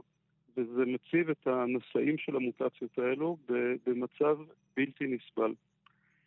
מה שאנחנו עשינו, אה, אנחנו השתמשנו במאגרי נתונים ענקיים של סרטן, כדי ללמוד על עוד מוטציות, לא רק על ה-10% שידועות, אלא עוד 20% מהמוטציות, עוד 30% מהמוטציות, ללמוד איזה מוטציות הסרטן אוהב ואיזה מוטציות הוא לא אוהב. כלומר, הסרטן בשימוש בביג דאטה בהמון המון נתונים, אני יכול לגרום לסרטן לגלות את הקלפים שלו, ובעצם להגיד לי על עוד כמה מוטציות, לא על כל המאה אחוז, אבל עוד כמה מוטציות, האם הוא אוהב אותן, הן עוזרות לו, כלומר גורמות סרטן, או שהן לא עוזרות לו. אחרי שיש לי קאדר כזה של מוטציות, אני יכול לאסוף הרבה נתונים על כל מוטציות ולהשתמש בשיטות של בינה מלאכותית או למידת מכונה כדי ליצור מודל שמכליל על כל 2,314 מוטציות את התובנות שרכשנו מאותן, מאותן מוטציות שהסרטן גילה בהן את, את הקלפים שלו. והגענו לדיוק של 96.5 אחוז וואו. של חיזוי על כל, מוטציה, על כל מוטציה אפשרית, נקודתית בגן הזה, האם היא גורמת סרטן או לא גורמת סרטן, וכמובן אה, עשינו ולידציה באמצעות נתונים קליניים ובאמצעות נתונים אה, ניסויים מעבדתיים שהגיעו, שהראו שאחוז הדיוק הזה הוא, הוא מדויק בכל, בכל זווית שבחנו אותה. אוקיי, okay, אה, זה מרשים מאוד. בוא נוריד את זה לרמת הפציינט או האדם. האם אנחנו נגיע ומראש יעשו לנו אה, בדיקות כאלו שיחזו את, את עתידנו? אה, כן, אז אה, בגדול כרגע אנחנו עושים בדיקות, האלגוריתם כרגע הוא, הוא פיתוח מדעי, שלהביא אותו ליישום קליני יש, יש עוד דרך מסוימת שאנחנו צריכים לעבור, כן. אבל החזון שלנו, כלומר להיכן שאנחנו, להיכן שאנחנו מכוונים, זה שכל אדם שהוא בסיכון לסרטן או שקרה למישהו בן משפחה שלו סרטן, ויעשה בדיקה גנטית. כרגע אנחנו לא עושים בדיקות גנטיות לרוב האנשים שחולים בסרטן, בגלל שאנחנו לא יודעים, בגלל שזה מוציא הרבה מוטציות שאנחנו לא יודעים מה לעשות איתן, שרובן לא גורמות סרטן וחלקם גורמות סרטן, אנחנו לא יכולים לזהות. ברגע שיש לי כלי כזה שכן מזהה האם המוטציה גורמת סרטן או לא, אני יכול לחזות בצורה יותר מדויקת, ומתוך המשפחות של מטופלים של סרטן, אני יכול בעצם, או, או בן אדם שהוא נשא של גן כזה, שנמצא אצלו אה, גן כזה בבדיקה שהוא עושה בגלל שבן משפחה חולה בסרטן למשל, אני יכול אה, להגיד לו מה הסיכון שלו, יותר, בדיוק יותר גדול, מה הסיכוי שלו לחלות בסרטן והאם הוא צריך תוכנית מעקב, או שהוא בן אדם רגיל ככל, אה, ככל האנשים. בנוסף, אנשים שחולים בעצמם בסרטן, ועושים בדיקה גנטית של הגידול עצמו. אני חוזר, לא של הנשאות, אלא של הגידול, של הגידול. עצמו. Mm-hmm. כן, שזה דבר שאנחנו עושים להרבה חולי סרטן, במכון שרת אנחנו נעשה את זה לרוב חולי הסרטן. אה, במצב הזה אני יכול להשתמש בטכנולוגיה הזאת אה, להגיד איזה מהמוטציות שמצאנו הן משמעותיות בסרטן ואיזה לא, זה כמובן כשאני אכליל, את, שאנחנו נכליל את הממצא על הגן הזה להרבה גנים נוספים. כרגע לפי 53 אין תרופות, אין, לה, אין תרופות לגן הזה, הוא משפיע על החלטות טיפוליות, אבל אין אליו תרופות. אבל אלה נמצאות בניסויים קליניים וגם... אה, יכול להיות שעריכה גנטית אה, תשפיע עליו בעתיד? אה, בעתיד בהחלט יכול להיות, כן. טוב, כן. בעצם בעתיד יכול להיות, זה מה שאנחנו להגיד פה על כל כך הרבה דברים. כן. אני רוצה לדבר כן, איתך, איתך ועל, העבודה שלך ועל המעבדה הזו, ועל השילוב באמת בין uh, רפואה לבין ביג uh, דאטה שאתם עושים שם. איך הגעת לזה? כן, אז אני, האמת שאני למדתי בטכניון, וכשאני התלבטתי אם ללמוד... Uh, רפואה או ללמוד פיזיקה ומחשבים, וכשהחלטתי שאני רוצה להיות רופא מאוד הצטערתי שאני לא לומד, לא אלמד, לא אלמד מתמטיקה ופיזיקה, ונוצרה לי הזדמנות בתוכנית למצוינים, תוכנית רוטשילד, שאפשרה לי בעצם לשלב את שניהם. כבר בתואר הראשון למדתי רפואה עם, עם הרבה הרבה קורסים בפיזיקה ומתמטיקה ומחשבים. התקדמתי עם זה ל- PhD, לדוקטורט אה, מחקרי, אה, וכשחזרתי עם הפוסט-דוקטורט שלי, אז, אז פתחתי מעבדה שמשלבת בין התחומים האלו. ההזדמנות שניתנה לי הייתה הזדמנות נדירה יחסית, היא ניתנה למעט מאוד סטודנטים, ואני יודע שיש היום הרבה סטודנטים לרפואה שהם, יש להם את הכישורים המתמטיים, והם גם כמוני היו רוצים ללמוד את זה, ואנחנו אה, פתחנו עם, אה, עם, אה, עם הדיקן שלנו ועם חברי צוות, חברי סגל מה, מהאוניברסיטה, את, את תוכנית סגול, שגורם, שנותנת לסטודנטים לרפואה ללמוד תואר כפול ברפואה ומדעי המחשב, ומשם ומעוד מקורות מגיעים למעבדה שלי סטודנטים שיודעים בעצם את שני, את שני התחומים, וזה מקל עליהם לפתח, את, מאפשר להם בעצם אה, לפתח את, ה, את, ה, את האלגוריתמים האלו ועוד אה, אלגוריתמים אחרים. כשהיתרון שאין את הפער הזה בין אנשי המחשבים לאנשי רפואה, כי הידע הזה בעצם נמצא ב, ב, ב, בתוך אדם אחד. כן, כלומר, לרוב במקומות כאלה צריך באמת לגשר בין, אה, בין שתי מחלקות שונות, שתי פרדיגמות שונות אולי אפילו, וכאן זה בעצם אותם האנשים שלומדים גם מדעי מחשב וגם רפואה. כן, כן, בדיוק. ו... אה, העבודה עם הסטודנטים, אה, למשל אה, גיל בן כהן, סטודנט ש, שפיתח, את ה, שפיתח יחד איתי את, ה, את העבודה הזאת, היא מאוד מאוד מספקת, ואתה רואה את, ה, את היצירתיות ואת, ה, ואת, ה, ואת הפוריות של, ה, של, ה, של הסטודנטים האלו, למרות שהלימודים עצמם הם לימודים קשים והתוצאות מגיעות קצת יותר, יותר מאוחר, אבל אני, כן, אני רואה. את ה... אף אחד לא חשב שמדובר ב, בלימודים קלים מכל מה שתיארת, בוא אני אומר לך דבר כזה. כן, בהחלט. דוקטור שי רוזנברג, אני, אני מודה לך בשלב זה. אני מאחלת לכולנו שכל הפיתוחים הללו אה, יגיעו אה, אל החולים בהקדם. כי אנחנו כל הזמן מדברים פה, אמת, זה נשמע, מהתוכנית הזאת זה נשמע שכבר די, עוד רגע אנחנו כולנו חופשיים, בריאים ומאושרים, אבל זה עוד לא קורה. אה, לגמרי, לגמרי לא קורה, אנחנו עובדים אה, ללא הפסקה וללא לאות בשביל לקדם את ה... את המחקר, וכל עוד לא, לא, לא הבאנו את הסרטן למצב של, של מחלה כרונית שניתן לחיות איתה, או ריפוי מוחלט, אנחנו לא, אה, אנחנו לא יכולים אה, לשבת ו... על הכיסא שלנו ו... ולהגיד ש...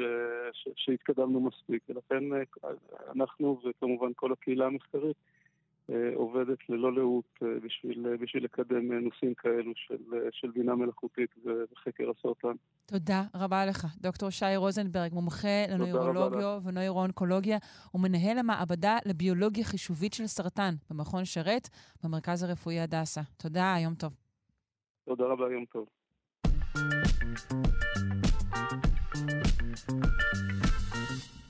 עוד חזירים, הרבה חזירים היום. בשעה הראשונה שמענו על uh, חזירים שחזרו לחיים, וכעת על חזירים שמחזירים לנו את מאור עינינו, שכן uh, קרניות שהוכנו מאור חזיר, הושתלו uh, ב-20 אנשים במסגרת ניסוי קליני, והשיבו להם את ראייתם.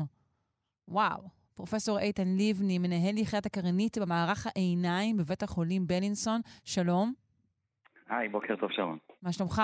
בסדר, מה העניינים? אני בסדר גמור, אה, בינתיים. אני רוצה להתחיל איתך באולי הסבר קצר על קרנית.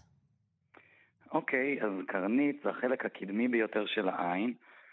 זו איזושהי רקמה שהיא מהווה, יש לה שתי פונקציות עיקריות.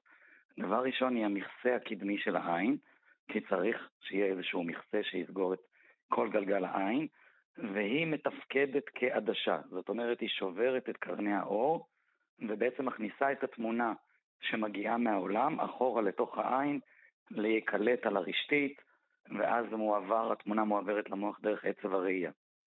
אה, רקמה שקופה, העובי שלה היא מאוד דקה, העובי שלה בערך חצי מילימטר, והקוטר שלה הוא בסביבות המילימטר, והיא קריטית אה, לראייה. זאת אומרת, אם היא מאבדת משקיפותה, או שהצורה שלה, הצורה הכיפתית שלה, נפגמת, אז הראייה... איך, איך זה קורה באמת? איך, איך קרנית אה, נפגמת?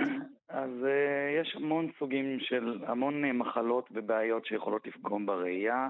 חלק מהבעיות הן גנטיות, כמו מחלת הקרטוקונוס, שבה עסקו במחקר שאנחנו נדבר אליו עכשיו, זאת אומרת, זה איזושהי מחלה שבה הקרנית נהיית דקה, חלשה ומעוותת, היא נהיית בצורה של שפיץ בעצם, כמו קונוס כזה, ומאבדת את הצורה החרוטית שלה. באילו גילאים זה קורה? זה בעיה של גיל מבוגר או שזאת מחלה לא, ש... שהיא לא, ממש מלידה? לא, זו מחלה, mm-hmm. כן, לא, מ... לא מלידה, אבל היא מתחילה בגיל ההתבגרות והולכת ומחמירה, ואם לא עוצרים אותה בזמן, אה, אז אנשים יכולים להגיע ממש עד עיוורון. אה, יש עוד סיבות אחרות לבעיות בקרנית, שתאי הקרנית לא עובדים כמו שצריך ולא מצליחים לנקז את הנוזלים ממנה. יכולות להיות אה, טראומות ופציעות שגורמות לעיוות של הקרנית, כל מיני זיהומים כמו חיידקים והרפס למשל, כמו שיש לנו על השפה, שזה לא big deal אם זה על השפה, אבל אם במקרה... כן, תלוי מה התוכניות שלך כמובן, אבל כן. לא, בעין זה תמיד יותר גרוע, לא משנה מה התוכניות. זה נכון מאוד. אה, אם ההרפס חוזר, אה, אם ההרפס בעצם פורץ בקרנית וחוזר שוב ושוב וכל פעם מצלק אותה, אז זה כבר הרבה פחות נעים מאשר הרפס על השפה. וזה אנשים שמגיעים להשתלות קרנית, שאנחנו למעשה עושים השתלות קרנית על בסיס כמעט יומיומי בבית חולים בלינסון. אלה ניתוחים מאוד מוצלחים בדרך כלל, יכולים להיות קצת מורכבים, אבל בדרך כלל מאוד מוצלחים. אנחנו מצליחים okay. אוקיי. המון פעמים להשיב מאור עיניים. זה נהדר. אנחנו מתקדמים לאט-לאט לכיוונם של החזירים, יאללה. אבל אני אשאל אותך מאיפה מגיעות הקרניות שאתם משתילים היום? אז הרוב המוחלט של הקרניות מג... אה, מגיעות מתורמים, זאת אומרת, מאנשים שהלכו לעולמם ותרמו את קרניותיהם, ואנחנו בעצם לוקחים את פיסת הקרנית מעיניהם. אפשר לשמור את זה בקירור למשך אה, עשרה ימים עד שבועיים באיזה יש איזה תכשיר מיוחד שבו הקרניות נשמרות, ואז אנחנו מוציאים את הקרנית החולה של המטופל, ובמקומה משתילים את הקרנית הבריאה בעצם של התורם. אוקיי, okay. עכשיו אה, בוא נגיע למחקר החדש, אה, שבעצם עושה שימוש בחזירים. נכון. אה, במחקר הזה בעצם לקחו סיבי קולגן, קולגן יש לנו בכל מקום בגוף האדם, כן. וגם בחיות ובכלל בטבע, זו איזושהי מולקולה מאוד נפוצה, מולקולת שלד, אז הם לקחו סיבי קולגן שהם מיצו אותם מאור החזירים. כלומר, זה לא לקחו קרנית מחזירים, אלא, לא, אלא לא, לא. מיצוי של קולגן מאור של חזירים. אוקיי. גם הקרניות שלנו עשויות מקולגן, mm-hmm. אבל זה קולגן שהוא מאורגן בצורה מרחבית, בצורה מאוד סדירה, ולכן הקרנית היא שקופה.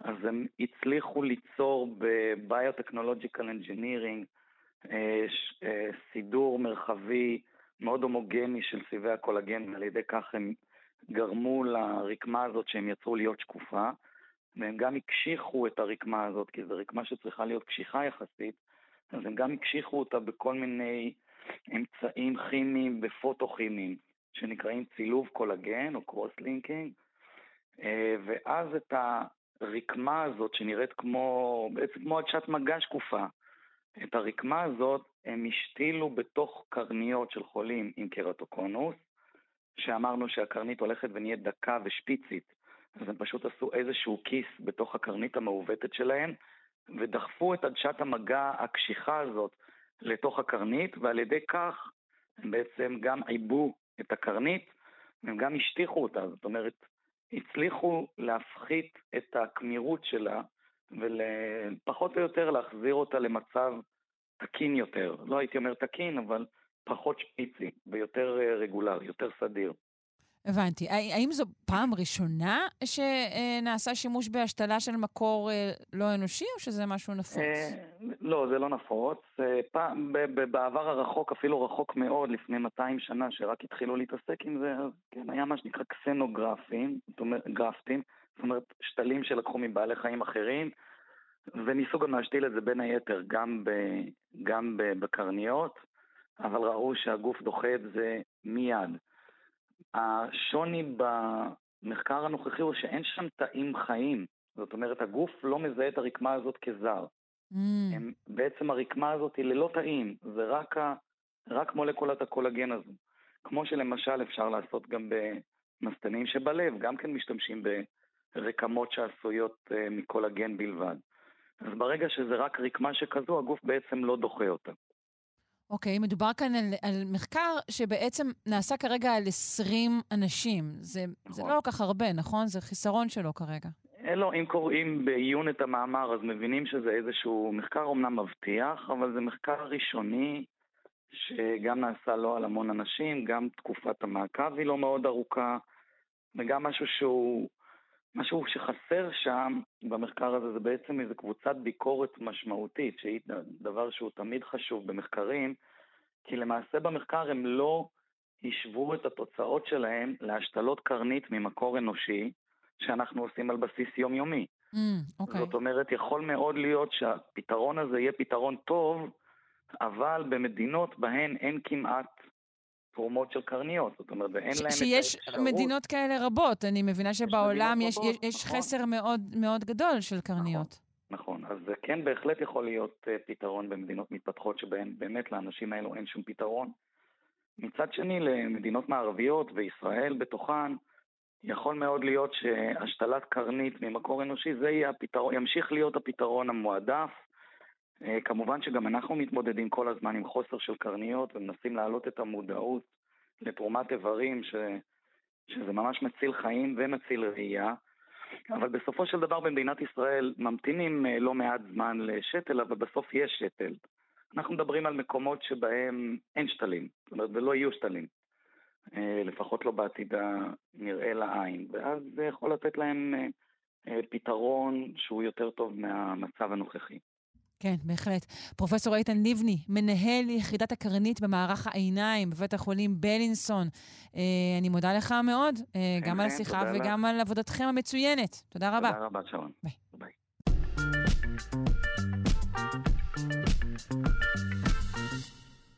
זה שיותר זה לפעמים פחות, אנחנו יודעים. אבל uh, כעת מחקר חדש מוכיח את זה. Uh, מינון נמוך של uh, קנאביס רפואי יעיל יותר ממינון גבוה אה, בהפגת כאב. אה, נשמע על המחקר הזה מהפרופסור אילון אייזנברג, הוא מומחה לנוירולוגיה ורפואת כאב, דיקן הפקולטה לרפואה בטכניון, והוא חלק מאורחי הניסוי הקליני, המחקר, שנערך, יש לציין, על ידי חברת סייקי. שלום, בוקר טוב. בוקר טוב. בואו נדבר על, על השימוש אה, בקנאביס רפואי בישראל. כמה אנשים uh, משתמשים בכלל בקנאביס רפואי?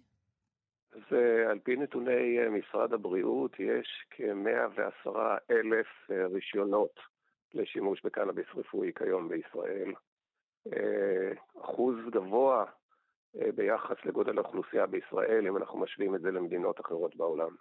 איך אנחנו מסבירים את האחוז הגבוה הזה? אם, אם בכלל, זה בגלל שאנחנו ליברליים ופתוחים, או בגלל שהישראלים נוטים לזה? אני חושב שזה איכשהו דווקא באיזשהו מקום לזכותנו, וצריך טיפה להסתכל על ההיסטוריה. בערך בשנת 2005 משרד הבריאות התחיל לאשר שימוש בקנאביס רפואי מטעמי חמלה, בדרך כלל אנשים שסבלו ממחלות חשוכות נכון. מרפא. Mm-hmm. ו... ואז איכשהו לאט לאט זה התפשט, וזה היה יחסית מוקדם, האישור היה יחסית מוקדם למדינות אחרות בעולם. כן. ולכן אני, אני חושב שאנחנו קצת לפני מדינות אחרות בעולם, אם כי גם במדינות אחרות, בחלק גדול ממדינות אחרות בעולם, במערב אירופה, השימוש גם הולך ועולה. כן, ואנחנו רואים שרבים מאלו שמשתמשים בקנאביס רפואי, צורכים כמות חודשית שהיא היא, היא גדולה, גדולה ממה שהם צריכים? ממה שרצוי? יש כאן, יש כאן איזשהו, איזושהי אנומליה בכלל ביחס לטיפולים רפואיים, או נאמר לגבי תרופות, למרות שהקנאביס לא נחשב תרופה. אבל תרופות ניתנות בדרך כלל במיליגרם למנה. כולנו מכירים את זה שכדור או, או, או מה שאנחנו לוקחים הוא, הוא נמדד בדרך כלל על פי רוב במיליגרמים. הקנאביס ניתן בישראל, וככה הרישיון והמרשמים הם בגרם קנאביס לחודש, ולא חשוב מה המרכיבים שיש, שישנם בו. כך שיש כאן איזשהו מנעד עצום של אפשרויות. גרם קנאביס ולא גרם חומר פעיל? נכון, גרם קנאביס. אפילו לא okay. אוקיי. מיליגרם קנאביס, אלא גרם חומר פעיל. עכשיו, הריכוזים של החומרים הפעילים בתוך אותו גרם יכולים לנוע בין 0 אה, או 1 אחוז עד סדר גודל של 20 אחוז, עם איזושהי טעות. כך שהאפשרות, או, או כמויות החומרים הפעילים יכולה להיות נמוכה מאוד מצד אחד, אבל גבוהה מאוד מצד שני.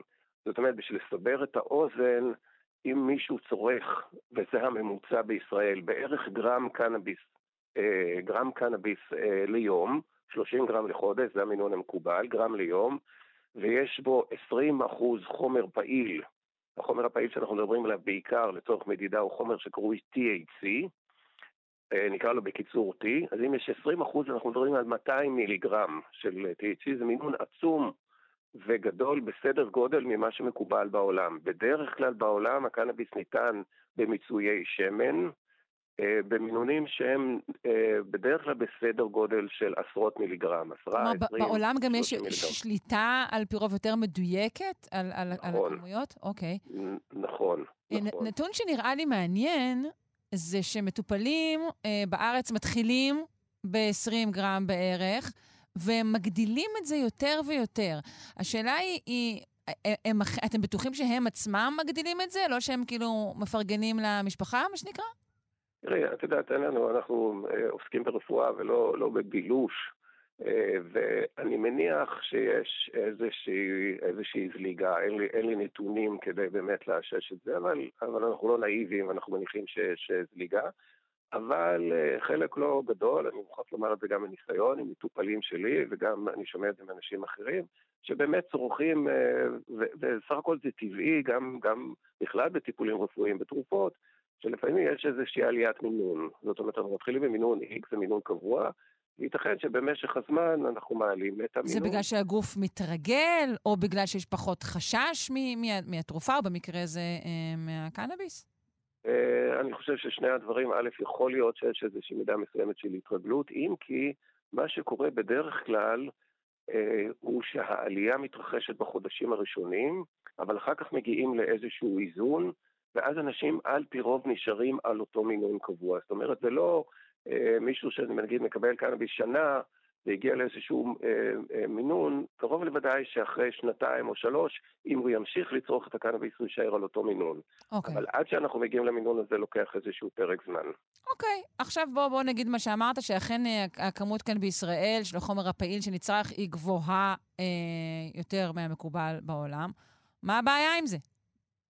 אז uh, uh, הבעיה עם זה היא שיש uh, תופעות לוואי מן הקנאביס, וחלק לא מבוטל מתופעות הלוואי הן תופעות שהן תלויות מינון. זאת אומרת, ככל שנחשוף את האדם לכמות יותר גדולה של קנאביס רפואי, או של החומרים הפעילים, הקנאביס הרפואי, יש סיכוי גבוה יותר שתתפתחנה תופעות לוואי. עכשיו, חלק מהן הן תופעות שאנשים מצליחים להסתדר ולהתמודד איתן, אבל חלק מהן עשויות להיות או עלולות להיות uh, תופעות uh, משמעותיות, מה שאנחנו רואים עוד תופעות לוואי uh, אפילו חמורות. Mm-hmm. אתה רוצה למנות לנו חלק מהן? אז התופעות הקלות, הקלות יותר הן לפעמים קצת איזה טשטוש או הרגשה של היי נגיד וכיוצא באלה, לפעמים יש תופעות קצת ממערכת העיכול, איזה אי נוחות במערכת העיכול וכיוצא באלו, צרבות, אה, לפעמים יש קצת שינויים בלחץ הדם. אה, אלה תופעות לוואי שבדרך כלל אנשים מצליחים להסתדר איתן. תופעות חמורות יותר הן בעיקר אה, חרדה קשה, אפילו מצבים פסיכוטיים, שזו תופעת לוואי מאוד מאוד קשה. וישנם דיווחים בספרות הרפואית, זה איכשהו עובר מתחת לרדאר, אבל ישנם דיווחים ולא מעט דיווחים כאלו, שבעיקר אחרי עישון קנאביס, עלולות uh, להתפתח תופעות של קרישיות יתר בדם, שבאות לידי ביטוי אפילו בהתקפי לב או באוטמים מוחיים. קרוב לוודאי שזה לא דבר שכיח. בשימוש, ב, ב, אוקיי, זהו, על איזה אחוזים מדובר ו- ועל אילו אופני שימוש אנחנו מדברים גם. אז זה מופיע בדרך כלל, כל, רוב הדיווחים שישנם הם בקנאביס אה, בעישון. בעישון. אותו בעישון.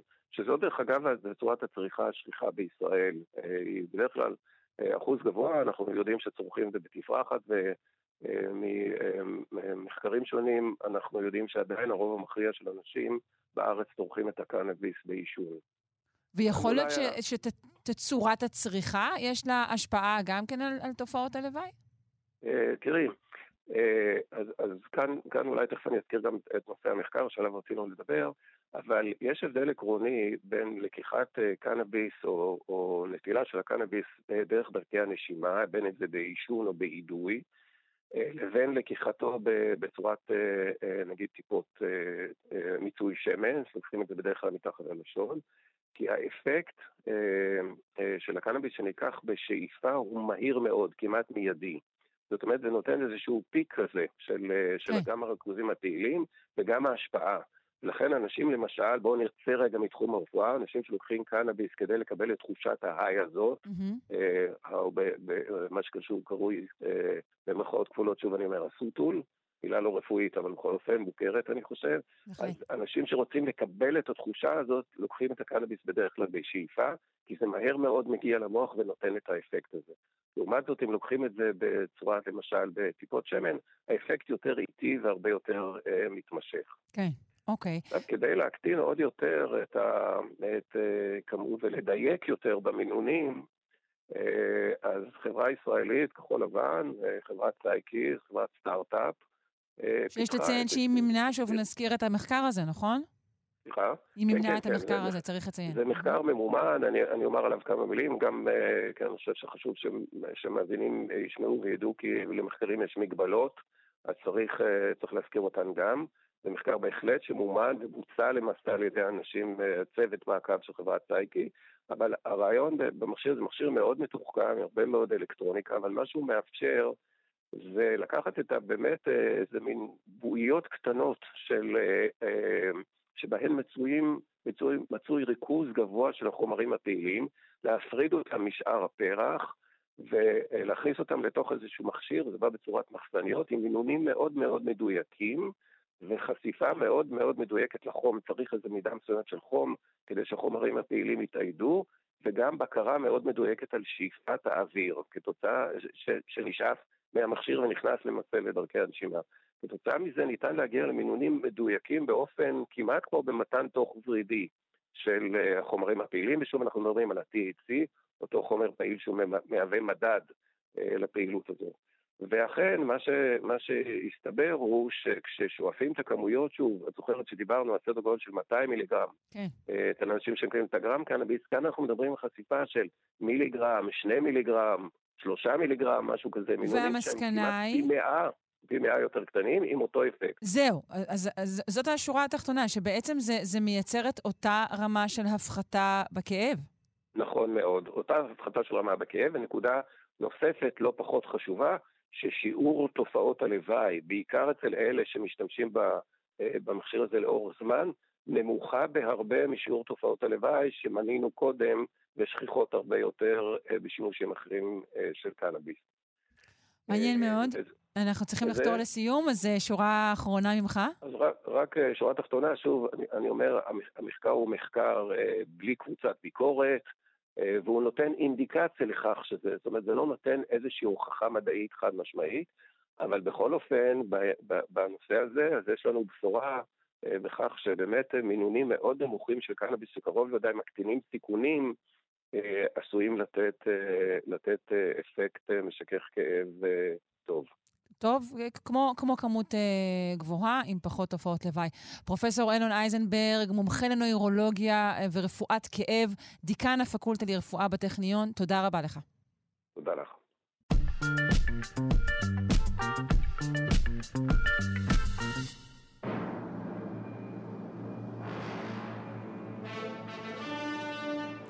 פינת התנ"ך עם הדוקטור אילן אבקסיס, שדרן ההסכת דברי הימים על המקרא והמזרח הקדום.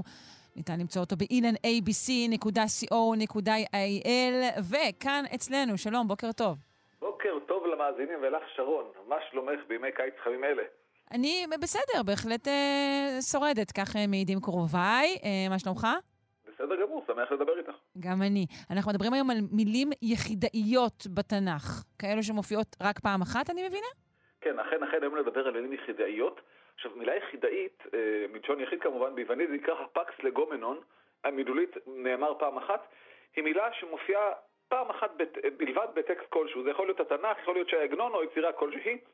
עכשיו, חשוב לחדד שגם מילה שמופיעה פעמיים או שלוש בטקסט כלשהו יכולה לחשב מילה יחידאית, בטח אם ההופעות שלהם סמוכות זו לזו, נניח באותו פרק. מעבר לכך, ארבע עיקרויות ומעלה של מילה בטקסט כלשהו, מוציאה את המילה מתחום היחידאי אל תחום העיקרויות הסטטיסטיות. עכשיו, המדד היחיד להבחנת מילים כמילים יחידאיות הוא מספרי בלבד. המילה לא צריכה להיות נדירה בשפה או לא מובנת. זהו, זה מה שרציתי לשאול. זו מילה יחידאית מהטקסט הזה. כן, למשל okay. אוקיי. בתנ"ך, זה טקסט שנראה, אז זו מילה יחידאית בתנ"ך. עכשיו, מספיק היא שתופיע פעם אחת. עכשיו, בתנ"ך יש אה, מגוון מילים יחידאיות, וחלקן ברורות ומובנות אה, לכל. חלקן ניתן להבין מתוך ההקשר, או ניתוח פילולוגי של השורש, הגזרה וכדומה, וכיוצא בזה, וחלקן אה, אינו מובן כלל ועיקר, ועוד מעט ניתן דוגמאות אה, כמובן לכל דבר. אז תופעה מאוד מעניינת בקשר למילים היחיד, היחידאיות היא תחיית השפה העברית. עכשיו, אה, חשוב להדגיש שהשפה העברית מעולם לא הייתה שפה מתה באמת. היהודים ברחבי העולם כתבו זה לזה בעברית. הקריאה והכתיבה היו פעילים כל הזמן, סליחה, היו פעילות כל הזמן, אה, ומה שהתנבא זה החלק הדיבורי בשפה. בן יהודה החיה בעצם את החלק הדיבורי. אה, זו בהחלט משימת אדירים, וכולנו אסירי תודה לו על כך. בכל אופן, מחדשי השפה העברית, בראשות אליעזר בן יהודה, חידשו מילים, והתנ"ך שימש להם כר פורה. הם נטלו מילים יחידאיות המופיעות בתנ"ך, ויצקו אליהן תוכן חדש למילים הללו. כך שלא פעם מילה שגורה בעברית בינינו היא למעשה מילה יחידאית שמובנה המקורי הוא שונה לחלוטין. עכשיו שרון בוא נקרא כמה דוגמאות למילים יחידאיות ונעמוד על פירושן אז ומשמעותן בלשון ימינו. נתחיל בספר ישעיהו, כתוב ככה, ספר ישעיה, ענייה סוערה לא נוחמה, הנה אנוכי מרביץ בפוך אבנייך ויסדתיך בספירים, ושמתי קדקוד אה, שמשותייך ושערייך לאבני אקדח וכל גבולך לאבני חפץ. רגע, זה פוך, זה אקדח, אני מזהה שם הרבה מילים שהן לא. מועמדות טובות. נכון, לא, פוך נזכרת בתנ"ך כמה וכמה פעמים, אנחנו מכירים אותה היטב, אה, והמילה היחידה, כמו שהבנתי, אקדח. לפי ההקשר, בספר ישעיה, מדובר בסוג של אבן טובה כלשהי. יש פה ספירים, פוך וכולי וכולי. עכשיו, אליעזר בן יהודה לקח את המילה אה, אקדח וטען את המשמעות של כלי ירייה קצר קנה. יפה שאמרת טען אותה במשמעות. אה, נא, יפה, יפה, אני שמח שהבנתם את פתיחת הקרש הזאתי. אה, והוא ניתן לראות בו גם ביד אחת בלבד. המילה אקדח נבחרה אה, בשל החום שנוצר בעת הירייה. תוך התבססות על שורש קדח, קד"ח, במובן של חום, כמו קודח מחום או קדחת. אבל הוא בעצם עקר או ביטל את המשמעות המקורית. המציא משמעות חדשה. הוא לא, הוא לא, אבל כאילו... זה ביטל את הקודמת באיזשהו אופן. את הקודמת שאנחנו לא בטוחים מה היא, ועכשיו כולנו, שאת אומרת לאנשים אקדח, אף אחד לא חושב על אבני חן, חושבים על כלי, על האקדח, מה שנקרא פיסטול באנגלית. מהיום מאזיננו כולם יחשבו גם על אה, אבני חן. הלוואי, הלוואי. בספר במדבר יש עוד דוגמה, בני ישראל התלוננו כל הזמן על קשיים במדבר, ולעומת שפע המוצרים במצרים, תזכרי, הנה תראי מה כתוב, זכרנו את הדגה אשר נאכל במצרים חינם. מילה חשובה, זה פסוק מאוד ישראלי, כל החינם הזה. אבל עכשיו הנה, מתחיל, הנה מגיע, מגיעות המילים. את הקישואים, ואת האבטיחים, ואת החציר, ואת הבצלים, ואת השומים. עכשיו, אה, סליחה, אה, בפסוק הזה יש ארבע מילים יחידיות מתחום הבוטניקה, קישואים, אבטיחים, בצלים ושומים. עכשיו, הקישור זה מה שאנחנו מכנים מלפפון, ככל הנראה, אה, ככל הנראה מלפפון היא מילה יוונית, מלפפון, נזכרת במשנה, מה שאנחנו מכנים קישו היום זה קרוב משפחה של מלפפון, מאותו משפחת דלועים, שהגיע אלינו מאמריקה אחרי קולומבוס. אבטיח היא מילה במצרית, שמשמעותה במצרית, מצרית עתיקה, גם כן, אבטיח. הירוק בחוץ, אדום בפנים.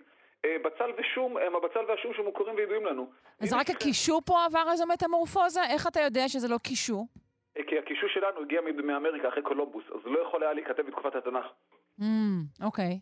וכשהקישור שלנו הגיע, אז אה, נתנו לו את המילה הזאת על סמך קרבתו למלפפון שאנחנו אוכלים, המלפפון הירוק הזה, שמשתמשים כן. בסלט. והנה, יש לנו פה ארבע מילים יחידיות, שאף פרשן לא באמת נתקל בקושי לפרש אותן. אה, בעיקר כי המילים האלה מוכרות גם מטקסטים אה, חוץ-מקראיים. ובואו נראה מה כתוב באחד מנאומי איוב. הוא אמר, הלא כחלב תתיכני וכגבינה תקפיאני. המילה היחידית היא גבינה. עכשיו, בלשון חז"ל המילה גבינה מופיעה פעמים רבות ומשמעותה כמו היום, מאכל מחלב קרוש. אה, גם במקרה הזה רובד מאוחר בשפה עוזר להבין את המילה המקראית היחידאית. עכשיו, מילה מעניינת יש בנבואת יחזקאל על העיר צור, שימי לב מה כתוב. בני ערבד וחילך על חומותייך סביב, וגמדים במגדלותייך היו. המילה היחידאית היא כמובן גמדים. אבל מהקריאה בטקסט לא ברור מה הכוונה בגמדים. עכשיו, כיוון שמידת האורך גומד ידועה במקרא, כמו הסיפור על, על אהוד בן גרה, שעשה חרב גומד אורכה משהו כמו חצי מטר, היו שקישרו בין מידה זו לבין הגמדים. אנשים שמידתם היא גומד. אנשים נוחים מאוד, הפרשן המפורסם רש"י, אה, רבי שלמה יצחקי, כך הוא כתב, ויש פותרים שהם ננסים ונכנסים במידת אמה. כלומר, הגמדים הם מילה נרפת לננסים, זו משמעות אגב המילה אה, בעברית בת ימינו, ננס היא מילה יוונית ננוס, את מכירה את המילה הזו כתחילית של דברים ממש ממש קטנים, ננו-טכנולוגיה, ננומטר וכיוצא בזה, ונחזור לגמדים. עכשיו, המשמעות המילה גמדים כאנשים אה, נמוכי קומה אינה המשמעות המקורית. הגמדים שבתנ"ך הם אנשי עיר הקדומה, גומידי או קומידי בבקעת הלבנון, קמיד הלו"ז של ימינו, והם בעצם אנשים קוראים על שם עירם. והם אנשים בגובה סטנדרטי בסך הכל. כן, מהעיר אה, גמדי, משהו כזה. לא יותר, הם לא נמוכים, הם לא נמוכים במיוחד. עכשיו, מילה חשובה מאוד שנזכרת בספר יחזקאל, המילה נזכרת אה, פעמיים באותו פרק ועומדת בתנאי הסף שלנו של אותה מילה יחידאית, פחות מארבע עיקרויות, וכך נכתב בחזון המרכבה של יחזקאל, וארא, והנה רוח שערה באה מן הצפון, ענן גדול ואש מתלקחת ונוגה לו סביב, ומתוכה כעין חשמל מתוך האש. המילה היא כמובן חשמל. בהמשך הפרק היא נזכרת עוד פעם אחת. עכשיו, מההקשר ממש ממש לא ברור מה זה חשמל, מה זה החשמל הזה. אה, בתרגום ה-70, זה התרגום הראשון של התנ"ך, תרגמו כענבר. כלומר, אה, וכעין הענבר, ענבר ביוונית משמעו אלקטרון. עכשיו, כיוון שחיכוך צמר בגוש ענבר יוצא חשמל סטטי, על כך כינו את התופעה הזו בשם אלק, אה, אלק, אלקטרי, אלקטריקוס, כן? ויהודה לב גורדון חידש את המילה הזו בעברית תוך חזרה לענבר וקרא לזה חשמל. אז במקום לשלם חשבון חשמל, אנחנו משלמים חשבון, סליחה, במקום לשלם חשבון ענבר, אנחנו היום משלמים חשבון חשמל. הוא ברשותך לא מילה אלא אתר יחידאי כזה שנזכר פעם אחת אה, בתנ"ך, בנבואת יחזקאל נכתב ואבוא אל הגולה תל אביב היושבים אל נהר כבר, וישב הם היושבים שם וכולי וכולי, ויחזקאל הגיע לתל אביב שנמצאת בבבל, ליד מיפור של נהר כבר, לא רחוק מבגדד של ימינו. המונח תל אביב הוא מונח אכדי שמשמעו תל המבול או תל השיטפון, תל אבובו. כלומר, תל שנוצר בעקבות מבול או שיטפון. דווקא שיטפון, ולא עונה אביבית נהדרת. נכון, ממש ממש לא, וכשנחום סוקולוב תרגם את הרומן של הרצל, אלט נוילנד, מילולית ארץ ישנה חדשה, הוא חיפש שם שישלב ישן וחדש, תל זה ישן, אביב זה התחדשות ופריחה, והוא קרא לספר של הרצל תל אביב. ככה, וכשמייסדי עיר העברית הראשונה חיפשו שם לעירה, הם בחרו בשם תל אביב בעקבות הספר. נקווה ולקראת... מאוד שלא ייזכרו בזה אם חלילה יבוא צונאמי. אה, לא, אגב, כל, כל חורף אה, יש את השיטפון בשכונת הארגזים וזה, אני נזכר במובן המקורי של העיר תל אביב, שהבתים שם אה, מוצפים במים, ולקראת סיום שרון, בנבואת ירמיהו על מצרים, בעקבות קרב קרקמיש, נכתב, עגלה יפהפייה מצרים, קרת מצפון בעבה. עכשיו, המילה היחידית היא יפהפייה, הכפלה של שם התואר יפה. יפהפייה, יפה מאוד. ובמילה יפהפייה זו נסיים את הפינה להיום. מהמם. חשמלת, דוקטור אילן אבקסיס, שדרן ההסכת דברי הימים על המקרא והמזרח הקדום. תודה רבה. תודה לך ולמאזינים. ביי.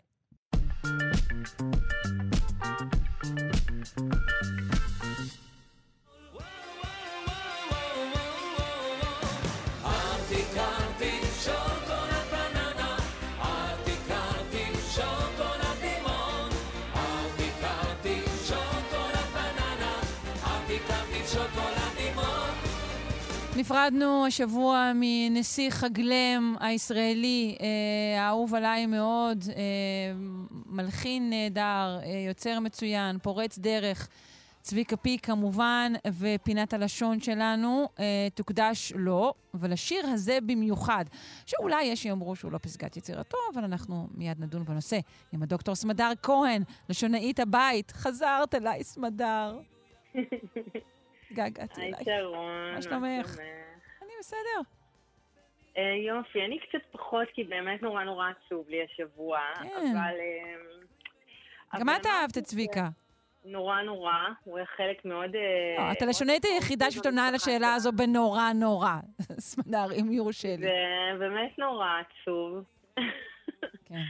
אהבנו אותו מאוד, היינו, הוא באמת היה חלק מהבית שלנו, ממש מגיל נורא נורא נורא קטן שלנו, גם שלי וגם של אחי, וזה אה, באמת היה די מפתיע, מבאס, אה, עצוב, אה, והפינה הזאת הייתה אמורה בעצם לקרות כבר מזמן, לפני, לא יודעת, ארבעה שבועות. נכון, אני זוכרת שתכננו אותה, נכון.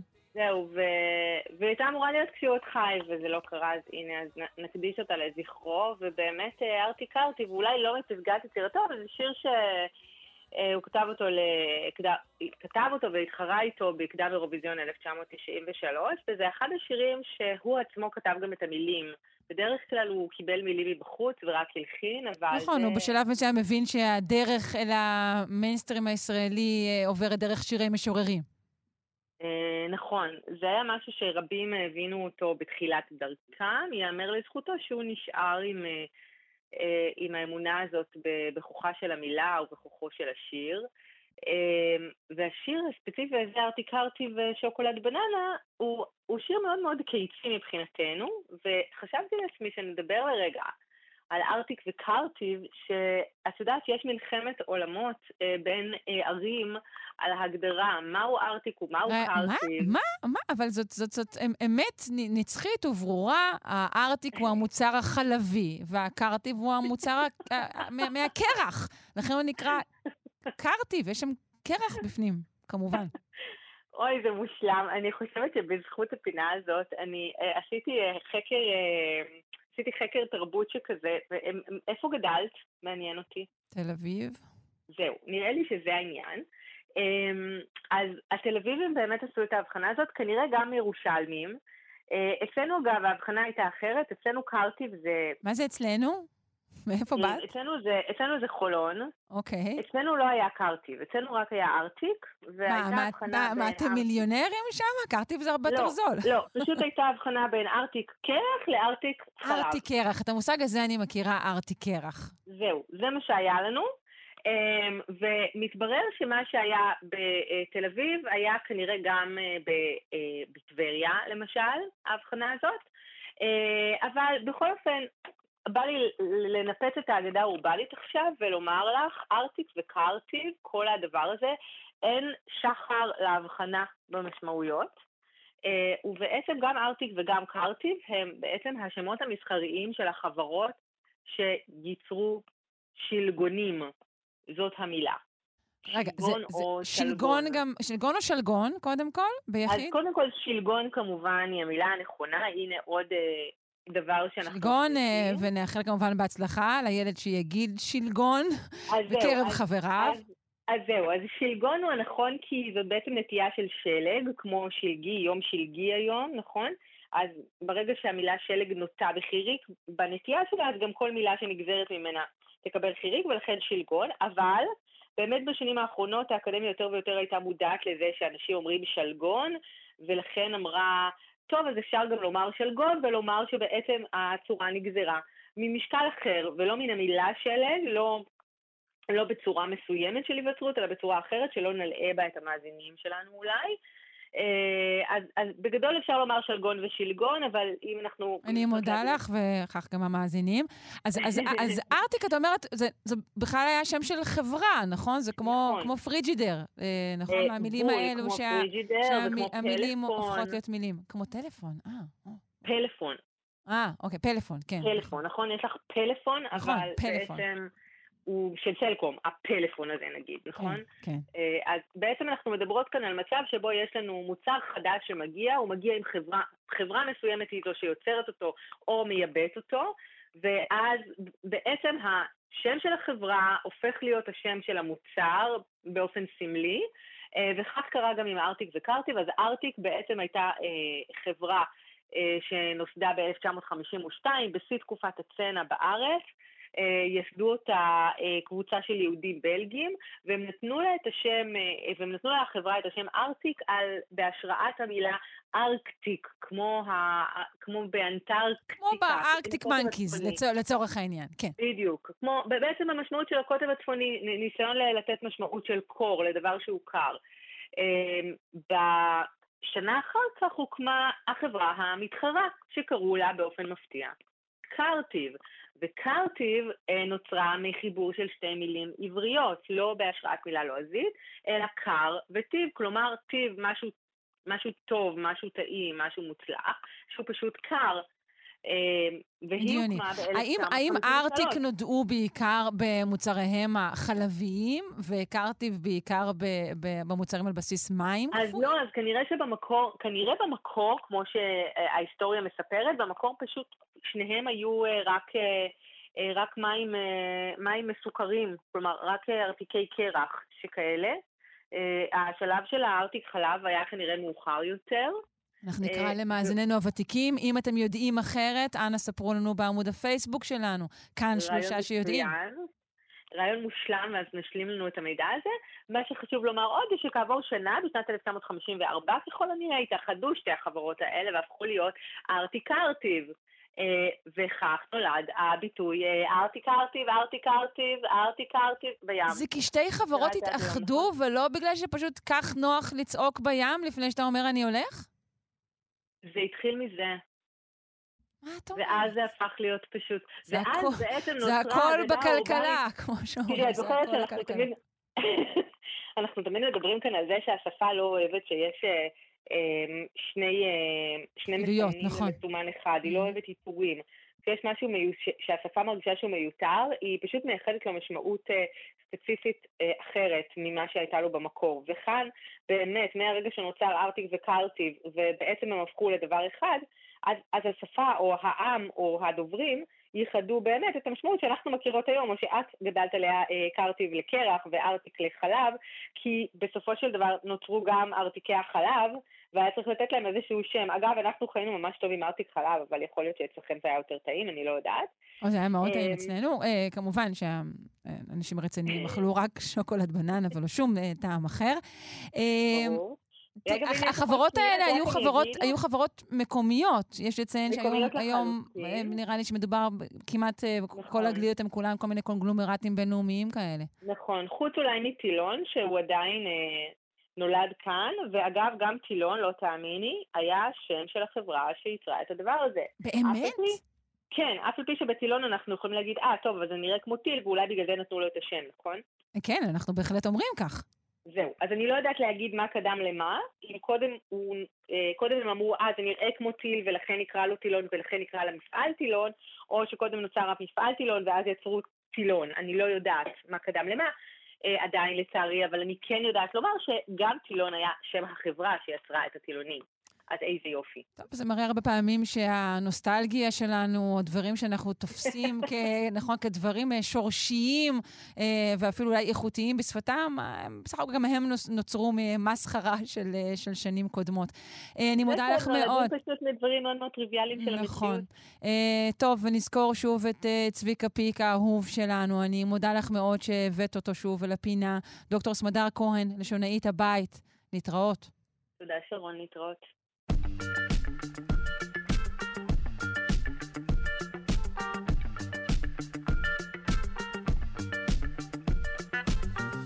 זהו, אה, תמו שעתיים של שלושה שיודעים. אני מקווה מאוד שנהניתם. ערכה אותנו היום אלכס לויקר, אה, הפיקו תמר בנימין וטל ניסן. על הביצוע הטכני היה תמיר צוברי. תודה רבה לכולם. אני שרון קנטור. אה, אחרינו, גם כן תרבות עם גואל פינטו, שכבר נמצא באולפן, אז אני ממליצה לכם מאוד אה, להישאר, ואפשר גם להאזין לנו כהסכת אחר כך. תודה, ביי. אתם מאזינים לכאן הסכתים. הפודקאסטים של תאגיד השידור הישראלי.